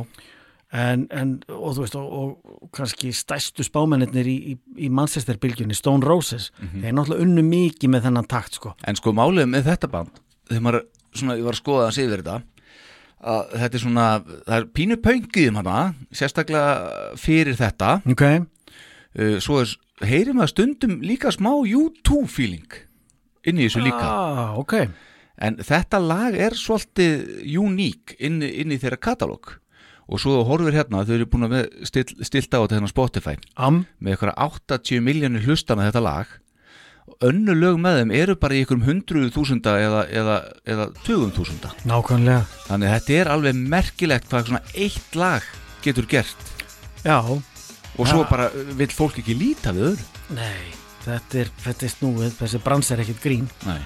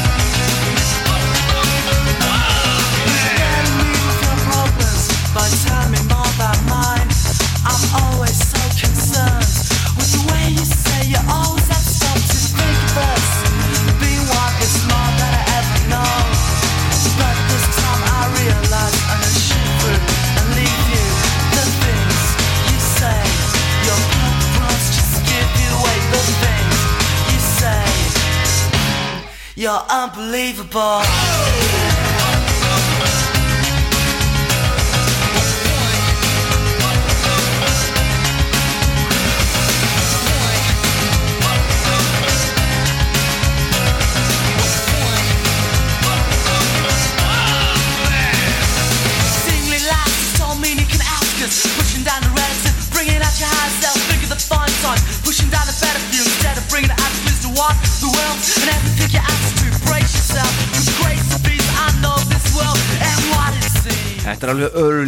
80's þetta er næstuð 80's eitthvað neitt Já, og klassískt lag fyrir sín, fyrir sín hatt sko. Já.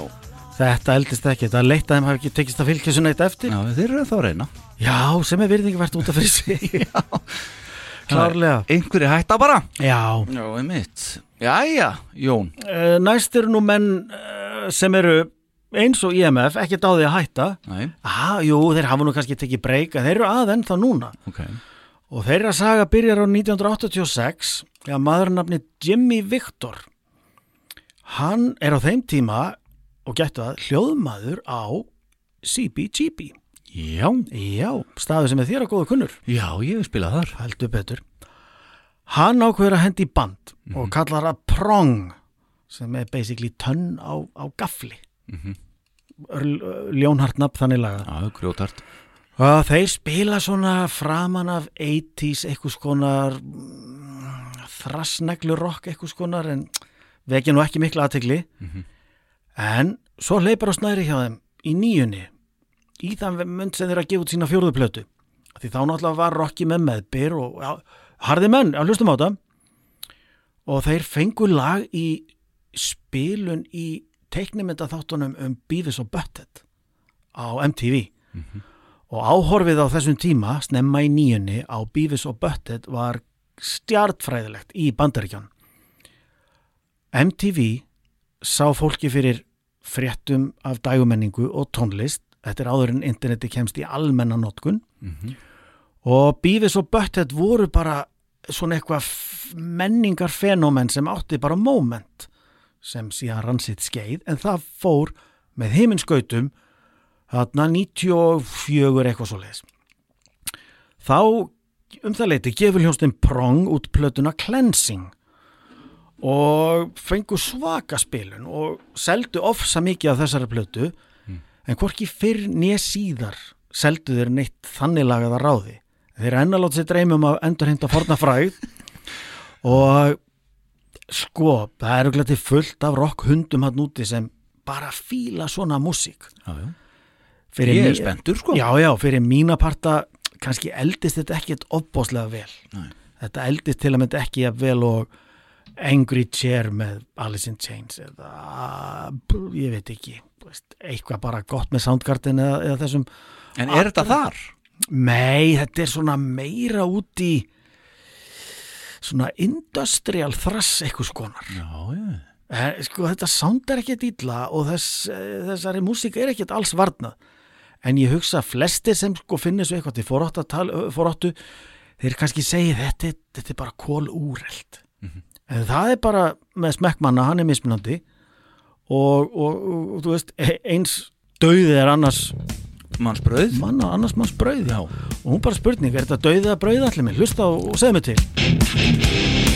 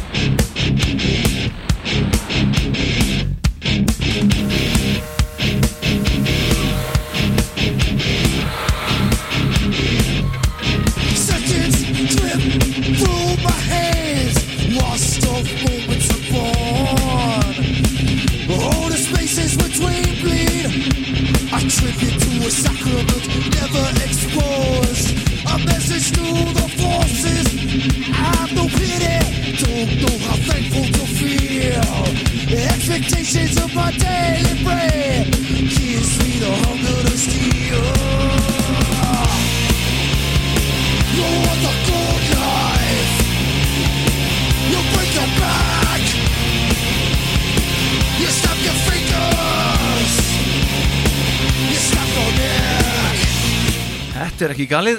Ég myndi vilja hafa aðeins svona stærra sound á þessu kannski. Já, Að þetta er svona, þetta er alveg klálega svona smá industrial þessu, eins og þú segir, svona yðnar stemming. já, já, talsveru innaður í þessu Og ég er pínum þar nefnilega. Já, já, þá getur nú þessi plata Cleansing frá 94 Já, ég tjekka á henni. alveg gert eitthvað fyrir þið Já, sko. ég veit. Þetta er ekki galið. Nei, nei Nei. Og hann var nú á CBGB þannig að það er eitthvað Já, það er eitthvað. Þannig að við eigum það sammeilegt,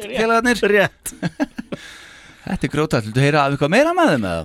Nei, og ekki bara að, að hérna, gefa, þe- leifa þessu tóndæmi að lifa í huga fólks og, og, og, og fara bara í eitthvað annað Já, ég er nú aldeilis með annað. Ok, Allt annað. allt annað eins og við erum búin að vera gegnum gangandi þessum þætti hér Uh, svo sannarlega hittarinn hjá þessu bandi en þetta band svipar svolítið til að mínu mati Jack Black Joe en í raun þó svo að Black Joe séu, séu mun betra og skemmtilegra band að mínu mati. En bæði þessi bönd, þetta sem umræðir og Black Joe voru svolítið að endurvinna 70 stemminguna svona í tónlist og klæðaburði Ok. að mörguleiti sérstaklega þetta framan á hjá Black Joe. En myndbandi við þetta lag sem heitir No Rain er löngorðið algjört köld þar sem að má sjá nýju ára bíflugustelpu eða eins og eh, hún er kölluð eh, B-girl stíga steppdans á skólaskemtun og allir hlæjaðinni mm -hmm. mannst þetta þessu? Að byttu fyrir því maður Þetta er náttúrulega fullónin kona í dag og hún get, kemur fram enn þann dag í dag sem The B-Girl, fullónin kona og, og bara þjána pening á þessu. Virkilega Eitthvað sem að barnið framan á neðu mind mér nýri vana að taka sér til fyrirmyndar að stökk hún í laugekstar og fá pening fyrir þetta. En allavega þetta lag náði í 20. sæti á Billboard Hot Top 100 og var þar við hlið hljómsveita eins, eins og Nirvana og Radiohead söngvari Blind Melon Hann heit Shannon Hoon. Hann overdósaði svo með kókaini og fannst látin í hljómsveitarútunni í oktober 1995 aðeins mánuði eftir 28 ára ammalistagsinn. Hann komst næstuði í 27 ára klubin hann. Já, En þarna voru þeir að fylgja eftir sinni annari breyðskjöfu. Það var þá söngvarinn Travis Warren sem var fenginn inn í staðinn og Blind Melon eru þannig ennþá starfandi í dag og hafa gert í gegnum öll þessi áren þó með einhverjum hliðum auðvitað. En þeir gáfu þó ekki út þriðju breyðskjöfuna sína uh, For My Friends fyrir árið 2008 og síðan þá hafa þeir aðeins sendt frá sér einhverjar smáskjöfur. Blind Melon, drengur, no rain. já, þetta var bara undirstöðu lag snemma í, í nýjunni Já, algjörlega. 92. Já, og, og sko að myndbandi er náttúrulega uh, það, það, það fæði loðbengt í stemminguna Já, já. svona félagsleg einangrun og, og allægi Mhm. og þú manns hvernig myndbandi endar hún rambar á svona stórt játtlið eða eitthvað slíkt að, að hérna Akkúrat. Mhm. einhverjum almenningsgarði lítur inn og það fullt af fólki í bíflu og hún, hún er búin að finna sinn jafningjahóp Akkurat. þetta er náttúrulega eins mikil nýja og þú bara getur ímynda sko. og myndböndi voru alltaf gerð svona til þess að sko, fá góða spilun og MTV að vera með eitthvað sögu eitthvað mikið sjónrænt og eitthvað sem smá hittir því, leikrit. hittir því hjartastað. Já, já, þetta er bara uppskriftin að, að nýju smelli sko. Og það, en þessu utan þá er lægið þetta bara frábært. Mhm. það er bara og, og Shannon heitin hún syngur eins og engill í þessu lægi sko. Já, já en svo það- hlustar á öll lögin í kringum þetta lag og plötunni og svona, það er ekkit Nei. kemst ekkit nálætt þessu. Nei það kemst ekki nált þessu. Blind Melon eru bara íla fullgildir einsmellungar sko. Heldur betur. það verður bara að segjast. Mhm. en það verður ekki að þeim tekið að þetta er bara þetta er rosalega fínt lag. Já, þetta er gott lag. Fallega samið, fallega sungið og, og þetta bara, bara skítvirkar. All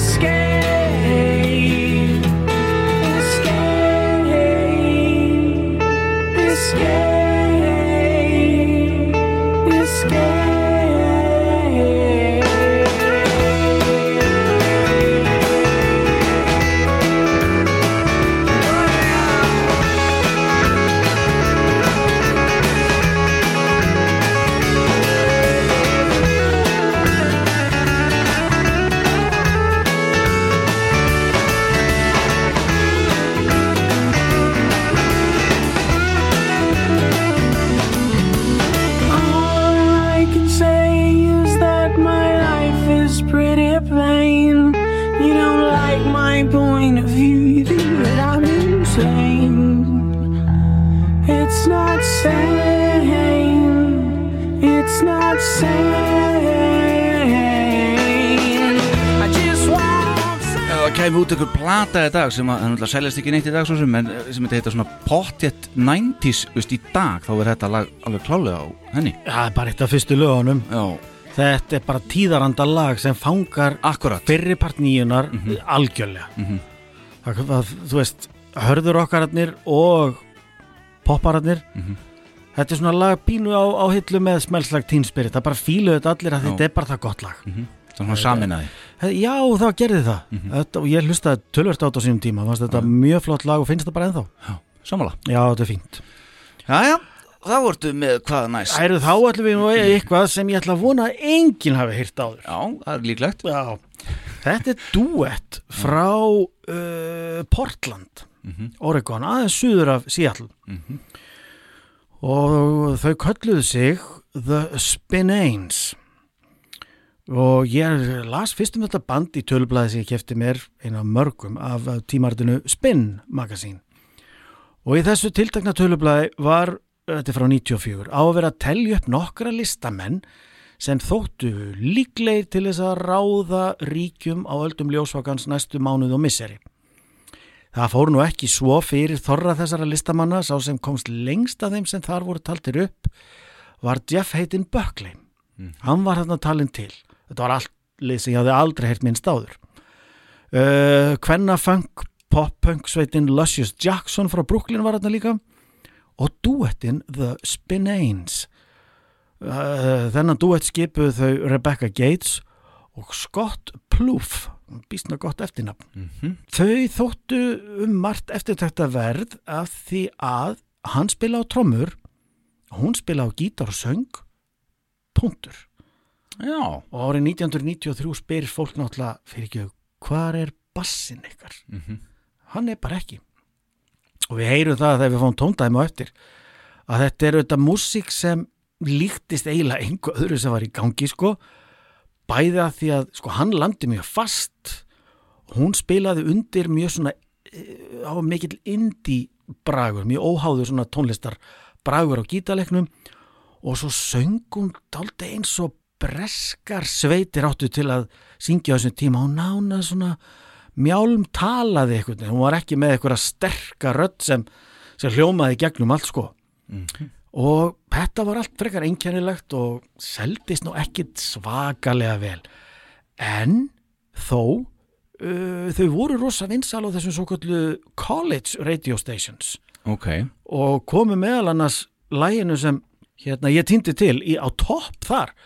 Og náttúrulega fær, fær ungt fólk plötusamning því að það sem unga fólki fílar, já það er allavega þeki líklegt til frekari vinselda en þau náðu nú aldrei neinu, neinu flugi þannig lagað það má kannski færa rauk fyrir því að þetta sé það sérstök músík að kannski er hægt að bara fara allan hringin og núna 30 árum setna bara fíla þetta. Ok. má vera en við eftirlátum hlustendum að meta það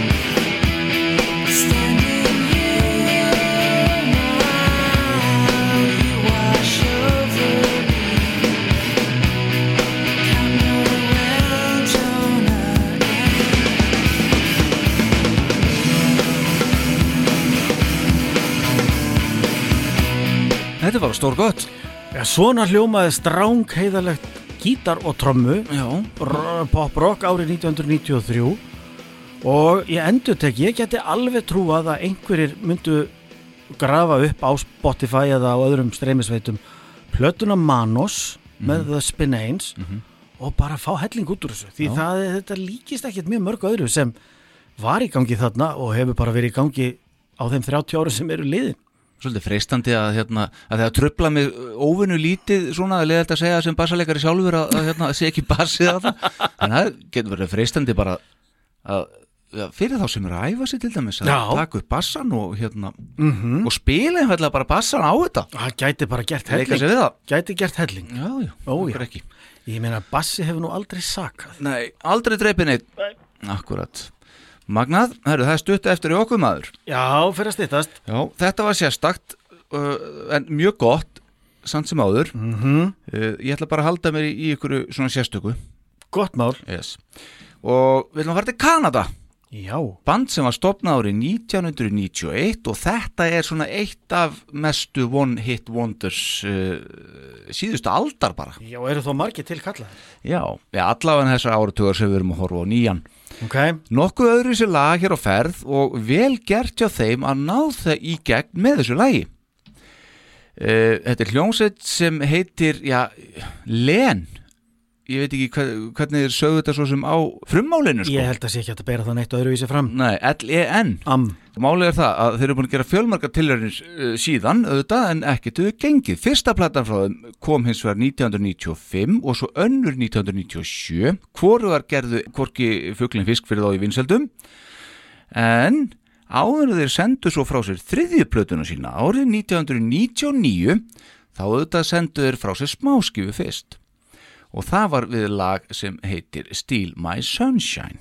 eftir Þessi smáskjöfa sló rækilega í gegn út um allan heim og þeim af óvörum og til að hamra járni þá flýttu þeir með þessa útgáfuna á þessari væntalugu þriðjuplötu sinni og senda hann út einhverju nokkur mánuðum fyrr. Ekki tókst svo að fylgja þessari velgengni eftir eins og oft vill gerast og við erum rætt hér en þeir gáfu samt út tvær breyðskifur við bóð 2005 og 2012 og svo eina EP-plötu, svona stuttplötu árið 2016. Len eru þó enn að í dag, enn ekki hvað, en lítið að skeið hjá þeim, enda hafa þeir sjálfur nú reyndar gefið það út ofinberlega að afar ólíklegt sé að komi frá þeim nýtt efni aftur. Þú manst þetta þessu séru? já, já, já, og mann eftir myndbandunni líka það, gekk í töluverði speilun Já, já, já. Á þeim uh, tíma þegar Pop TV sá manni fyrir hérna tónlistamindböndum þetta er sent í nýjunni svona 97-8 eitthvað svo Akkurat. og uh, þetta var eitt fyrsta myndbandi sem mann eftir hafa séð sem var augljóslega tekið upp með þeirri tækni að uh, þau sungu sko öll og, og, og reyðu sér með tónlist sem hafi verið spiluð á sko tvöföldun hraða eða meira og svo var það spóla niður í eðlilega hraða þannig að það var svona eins og allt umhverju væri í slow motion þótt að þau reyfðu varirna með tónlist á eðlilegum hraða Já, já. það er svona þessi, þessi tækni einhvern veginn það er bara svona eitthvað sólríkt á að gíska LA vídeo, rúndaðum borgina á, á skúter allt mjög svona kæruleysislegt og, og svona mikill leit 90s bragur á þessu öllu saman sko. hann er ekki lengur alveg eimdin og volaðið er svona meira kæruleysi bara tekið við. En þetta er ótvíraður uh, útvarsmellu sko Já, en svo bara ekkert meir. nei, það er svona ekki ferðastundum Já, one hit wonder. fyrir allan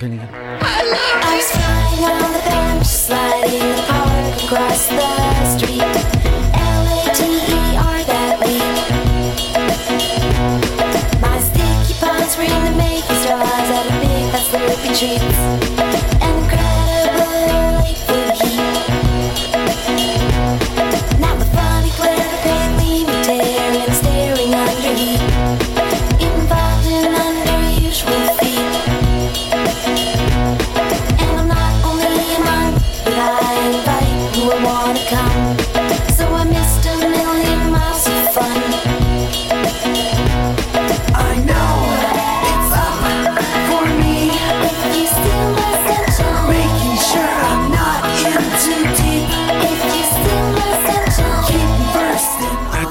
Engin, uppskrift af ykkur sem á bara eða sem verður vinsælt, garantít Nei, ef maður rínir í þetta og reynir að finna út hvað það er. Já, ok, myndbandið er gott myndband getur stutt við lag og það er bara svona galsi og ungæðislegur fílingur í því. Þessi þetta, þetta þessi þrönga bongótröma hún hefur sitt að segja. Bassalínan er náttúrulega hefur miljónsunum verið notuð í, í, í alls konar lögum en það er bara ykkur, ykkur endurtekning og kæ- svo Já. kemur hérna þeir, svona smá, eins og segir, kæruleysi í erindunum já, svo kemur samt melodía eitthvað svona sem að frelsar lægið í viðlæginu eitthvað neginn og, klárlega sko.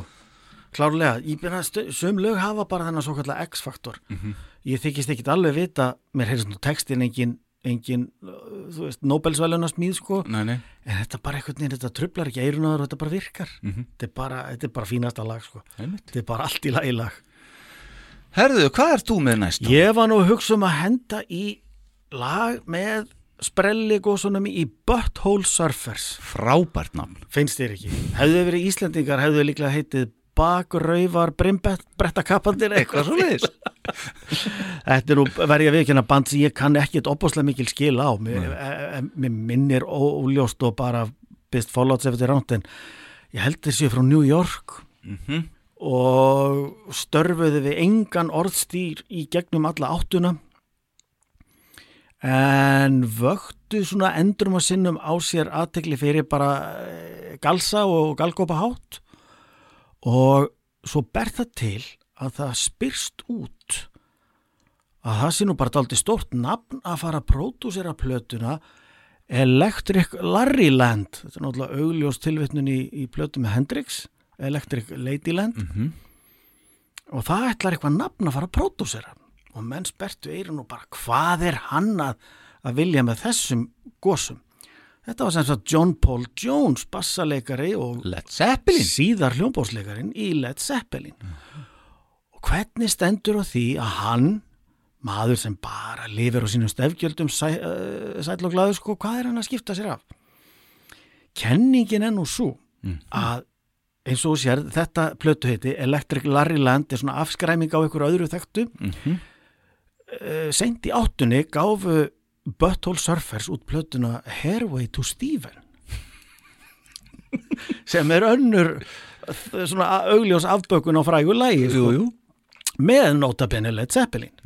En árið 93 gerist það að Robert Plant og Jimmy Page söngvari og gítalegar Led Zeppelin taka sér til og fara á túr að spila Zeppelins lagara. Þannig eru þú veist einn 13 ár cirka síðan þið lögðu bandi niður í kjölfar þess að John Bonham kapnaði í 40 skotum af vodka og þeir bjóða ekki John Paul Jones með sér. Og það var í einhverju bresku poptímariti, ég held Vox sem ég átti það sem hann var í svona stuttu vittali og bara óskaðum góðs gengis en það hefði verið gaman að vera búið með. Hann neita því ekki ég ímynda mér að hann hafi svona ákveðin nú ætla ég bara að spæla þá hann að góðsana sem bjóða mér, bjóða mér ekki með sér á túr. Ég ætla að pródusera plötu með gaurunum sem gáf út Hairway to Steven og þetta var svona umtalað það má, má vel vera sér ekki til í þessu. Nei, en þetta er Góð allt saman- saga. já, fín saga og, og út af fyrir sig er þetta allt saman svona staðarindir utan ástæður þess að John Paul Jones tóka sér giggið.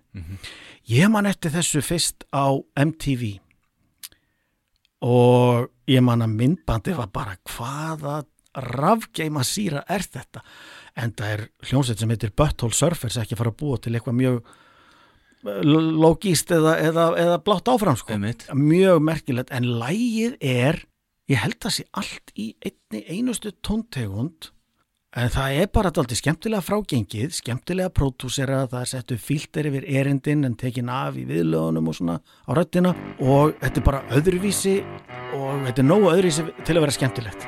Ok, ég hef bara, ég hef gaman að þessu og ég myndi alveg hlusta á þetta aftur. Okay. Pepper heitir það. Pepper heitir lagi með Butthole Surfers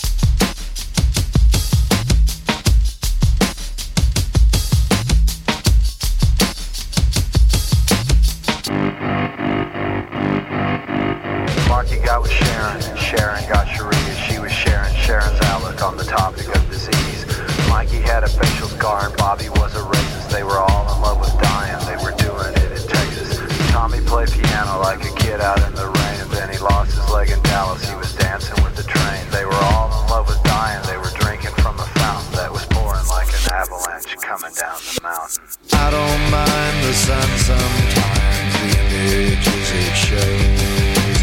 I can taste you on my lips and smell you in my clothes. Cinnamon and sugar and softly spoken lies.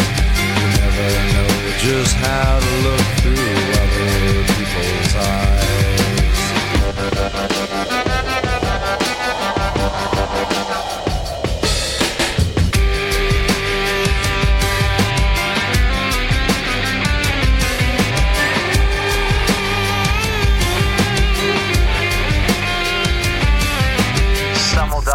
pursuit and fiery auto crashes. Some will die in hot pursuit while sifting through my ashes. Some will fall in love with life and drink it from a fountain that is pouring like an avalanche coming down the mountain. I don't mind the sun sometimes, the images it shows. I can taste you on my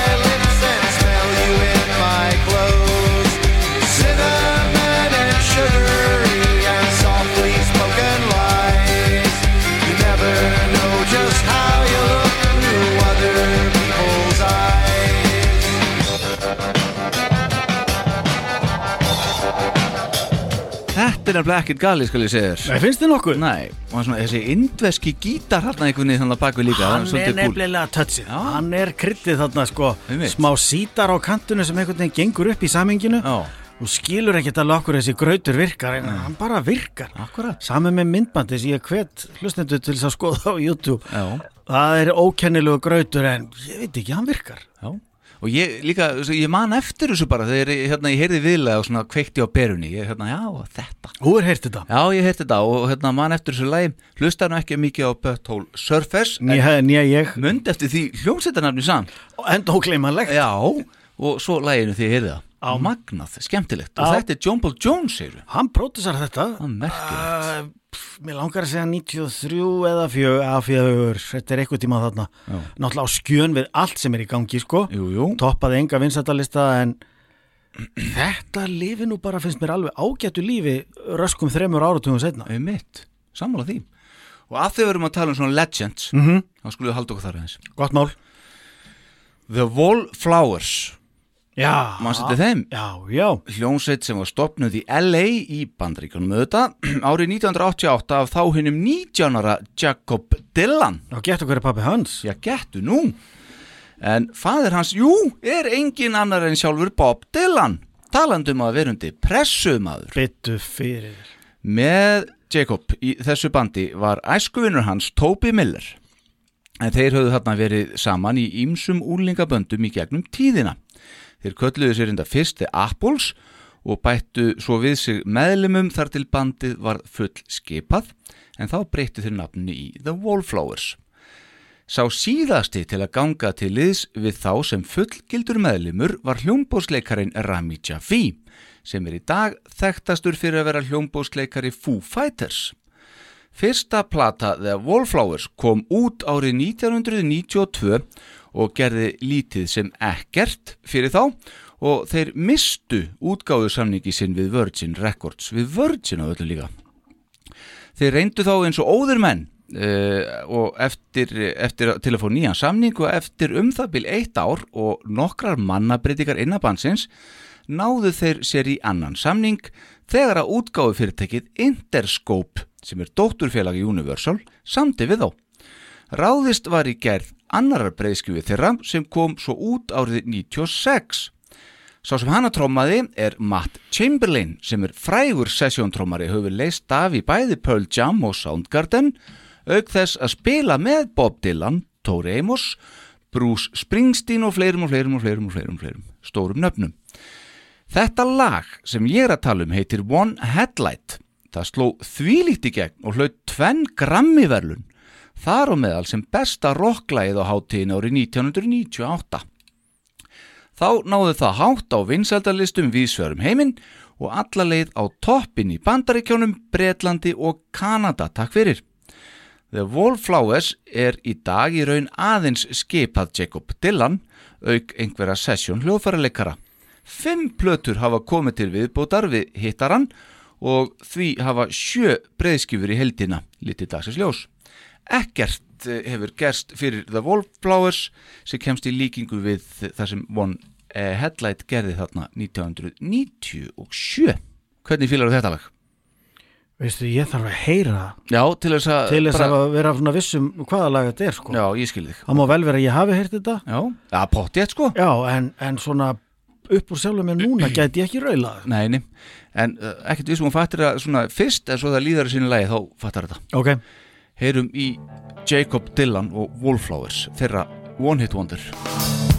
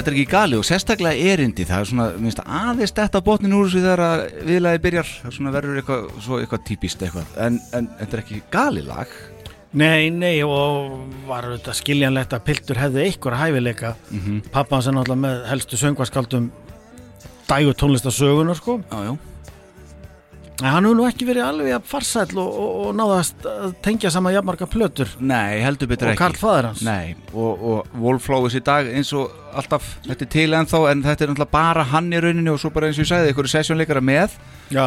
og er ennþá að, að hérna, rembast og rembast en lítið gerist en svo bara þegar að uh, sko framtíðin blasir svona við einu bandi tvenn grammi velun, það er ekkert smáraði nei, nei. flott og svo er Rami kallinn, hann er bara komin inn í uh, Rock'n'Roll Hall of Fame bara með Foo Fighters í dag. Já. Jæja, hvað séu þetta að taka eitt viðbátur okkur? Kanski tökum eitt og, og til að halda nú einhver jafnvægi þá er ég sem að enda þetta á annari kvennasveit. Já.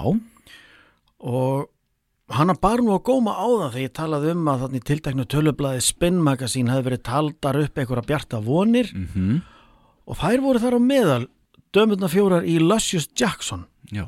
Þær gáfu út á sama merki og Beastie Boys eða hvort það var hinnlega bara þeirra merki sem stopnuðu sjálfur hérna Grand Royal. Og voru mikla vinkonu þeirra á þarfmyndu göttunum gáfu út frumraunina Natural Ingredients eh, 94 sem var svona kaplaskipt, fínisbrettir heildamyndin ekki alveg nóg sterk. En önnu plata þeirra hún er betri hún kemur út 96 frekar en 97 og heitir Fever In, Fever Out. Ok. og þar er bara mjög haganlega samið og, og svona skemmtilegt pop nánast gáfumanna pop ekki líkt finnst mér neinu öðru þegar ég hugsa tilbaka sem var í gangi þar sko. Og ég var að vinna í plötubúi í kringlunni þegar þetta kom út. Og ég og, og góðu vinnu minn og samstagsmaður Halli Sivilek við urðum alveg bóðslega svona imponerar og svona spennti fyrir þessu bandi. Og fórum að, að sérpanta eftir sko leiðum plötubúarinnar allt sem við komist yfir með þeim stöllum. Og svo náttúrulega bara, þú veist, leið tíminn og ég hef nú ekki keft mér neitt fleira með þeim, ég á þessar tvær fyrstu plötur heima sko. En platan Fever In, Fever Out er með fullt af músík sem þarf alveg að hlusta á oftar en einu sinni til þess að ná.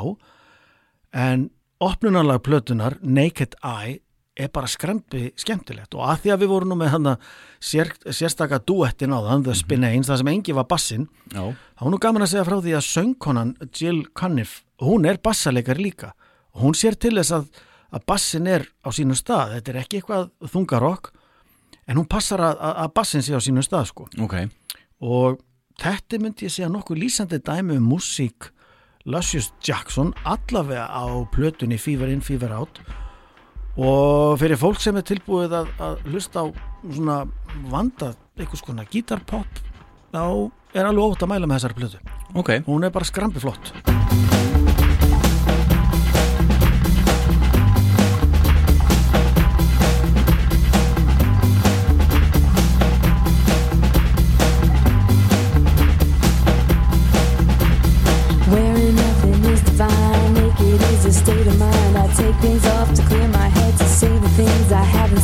Live inside the elements, the earth and sky are my best friends. Water is the evidence that washes me from end to end. With my naked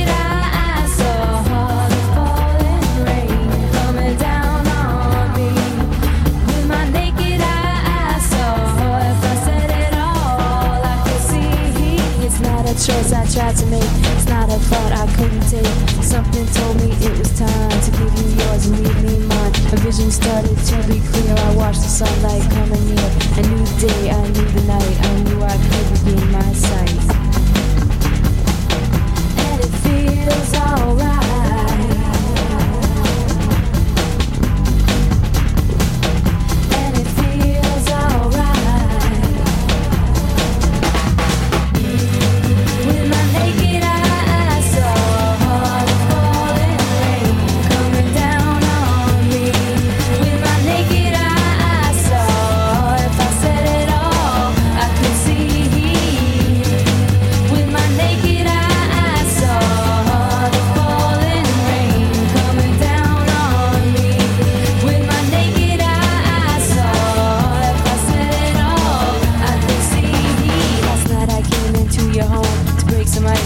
Some stones. I asked if we could be alone. I had some troubles of my own. Knew I had to say goodbye to all the old things held inside. If I let the moment fly, I knew they'd all be magnified. And it feels alright.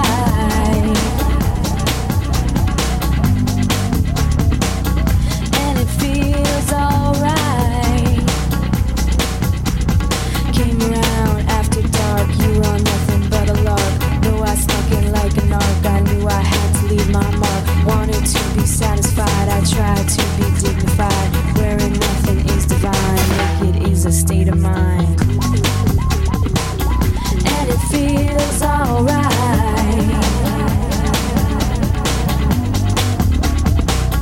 And it feels alright.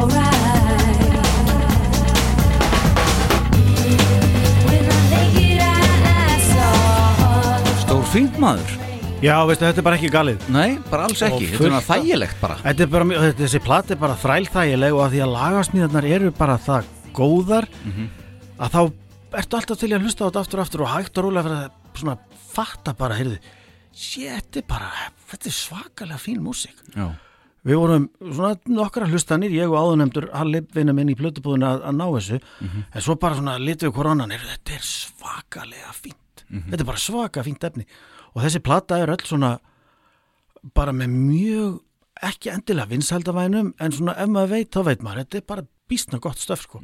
Þetta er plata sem ég hlusta alveg, alveg reglulega. áttu þess á heima? Já, hana set ég, Já, set ég, já. já hana og hana, frumbörðin uh, Natural Ingredients. Já. Þessi er betri, Fever in, Fever out, Ok, klárlega. já, ég tjekka þessu Já, óhætt að mæla með því. Glæsilegt, Yes. Jón Agnar Ólason Já, Takk minn. fyrir að koma og vera með fyrstu Jónsmessuna. Mín var ánægja. Það hérna verður nú eitthvað meira þessu held ég Já, við förum ekki að láta verða messufall. Nei, ég segi það einmitt vel gert e, Við erum nú búin að stilla upp einna nokkrum álefnum og, og þáttum sem að við getum nú tekið fyrir. Já, gætu þess að hafa- fjölbreytileg umfyllunarefni Heldur betur, þetta er rétt byrjunin, bara nýjan tekin hérna aðeins í, í, nebban Já, þarna tókum við nýjun í nefn Já, allstaðar af. Já, ég held við höfum komið býstna víða við bara. Já, það er fullt af lögum á listanum hérna sem við tókum ekki og komist ekki yfir og það er bara allt í lagi. Já, já. Og ég ætla að enda þetta Mhm. á uh, einu hérna lagi út á dollu Fínt. Komum betur inn á þá eftir. Ok. en, en, en þú varst ánægð með þetta? Ég var allsæll bara með þetta. Mjög gaman að dusta ríki af gamlu dóti. Já. Sumt þess virði að, að, að hafa upp í hillunni með, með svona músíkin sem er í gangi. Já. Anna bara best geimt En við komumst ekki að því öðruvísin að tjekka Nei. Og vonandi hafði fólk eitthvað gaman og mögulega gagnaf líka. Það uppgötaði dót sem það hafði mista á sín tíma. Einmitt. Nú eða við revjum upp góða hluti sem það hafði ekki hlusta á mjög, mjög lengi. Við endum þetta Mhm. á enskri hljómsveit. Ok. Uh, Það er hljómsveit sem bar nafnið Babylon Zoo.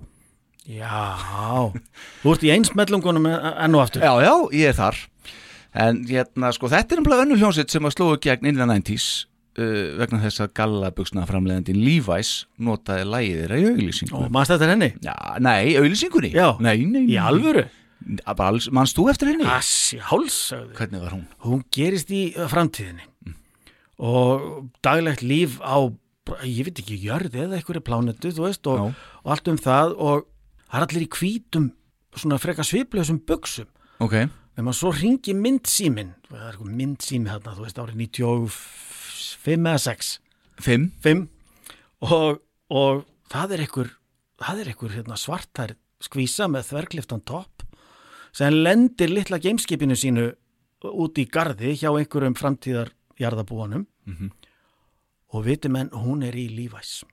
En ekki hvað? Og þá uh, hérna, þá er notað hérna sumtrikkið sem er notað í til að mynda, ég held að Steven Spielberg hafi fundið þetta upp við tökur á Jaws. Þegar lögreglustjórinn sér að það er hákall árus út í sjó og kameran er á hérna á braut og hann er rúllað í átt að hérna viðfanginu en sko hún sumar frá um leið þá færðu nær Já, já, personinni, já. en bakgrunnin þeysist frá eða eitthvað svo leiðis Mhm. þetta trikks er notað sem un, til að undirstryka undrun framtíðamannsins þegar sér dömuna stígu út á, á lífaði skallaböksum Já, já, já og bara eins og að, þú, þú vissi bara, þú sást þessu auðlýsingum að áferð þetta lág á toppin Já, einmitt. Þetta er eitt af þeim. Við Að komum nú aðeins inn á þetta að Og þetta er semst hittlægi, þess vegna ákveði að enda á þess að því myndist á þetta Við komumst ekki svona í Spin Doctors og Two Princess maður. Nei, einhverju segja að það er eins gott. Ég veit það. En sko, uh, þetta skautum auðvitað á toppin hann 1995 Mhm. og hljómsveitin Babylon Zoo gáfu þetta út svo snemma ást 1996 og það að sjálfsögðu seldist gríðalega vel sem smáskifa enda vinsældinar þegar í húsi eins og áður sagði. Þetta er sem að auðlýsing kemur á undan áður en að lægi er komið út þannig að þetta er orðið vinsælt áður en að útgáfin er komin. Það er bara gulltryggða vinsæld. Heldur betur maður, forgjöf. Og í eh, kjölfarið og einnig snemma þetta sama ár fylgdi þeirra fyrsta breiðskifa The Boy with the X-Ray Eyes Platan seldist afar vel og toppaði vinsældalistana beggja vegna, vegna allasafsis Þeir reyndu að fylgja þessu eftir með sinni annari og reyndar síðustu plötu árið 1999 en svo plata seldist í heldina í undir 10.000 eintökum á heimsvísu. Já, skellur Einmitt. Þetta þóldið bandið alls ekki og þeir hættu formlega störfum árið 2000. Þó hafa þeir hótaði í gegnum árin að koma með nýtt efni en það hefur þó ekki ennþá gerst hið minnsta. Við skulum sjá hvað framtíðin byrju skautið sér en ég veit að söngvarinn hann flutti til Indlands og fór að vinna á einhverja auðlýsingastofu og er núna að framlega, ég veit ekki hvort það er framlega í Bollywood en, en eitthvað, eitthvað filmprodúser eitthvað það. Hann er kannski ákveð að reyna að búa sjálfu til nýja lífasauðlýsingu svo að bandið eigi afturkvæmt hver veit lífa sér en þá jafn vinsælt, neða ekki Byttu fyrir þig Já. En endum þetta á þessu típiska mid-90s 90s lagi. Takk kærlega fyrir að koma í leikvangavélina Jón Agnar Rólfsson Hjartans þakki fyrir mig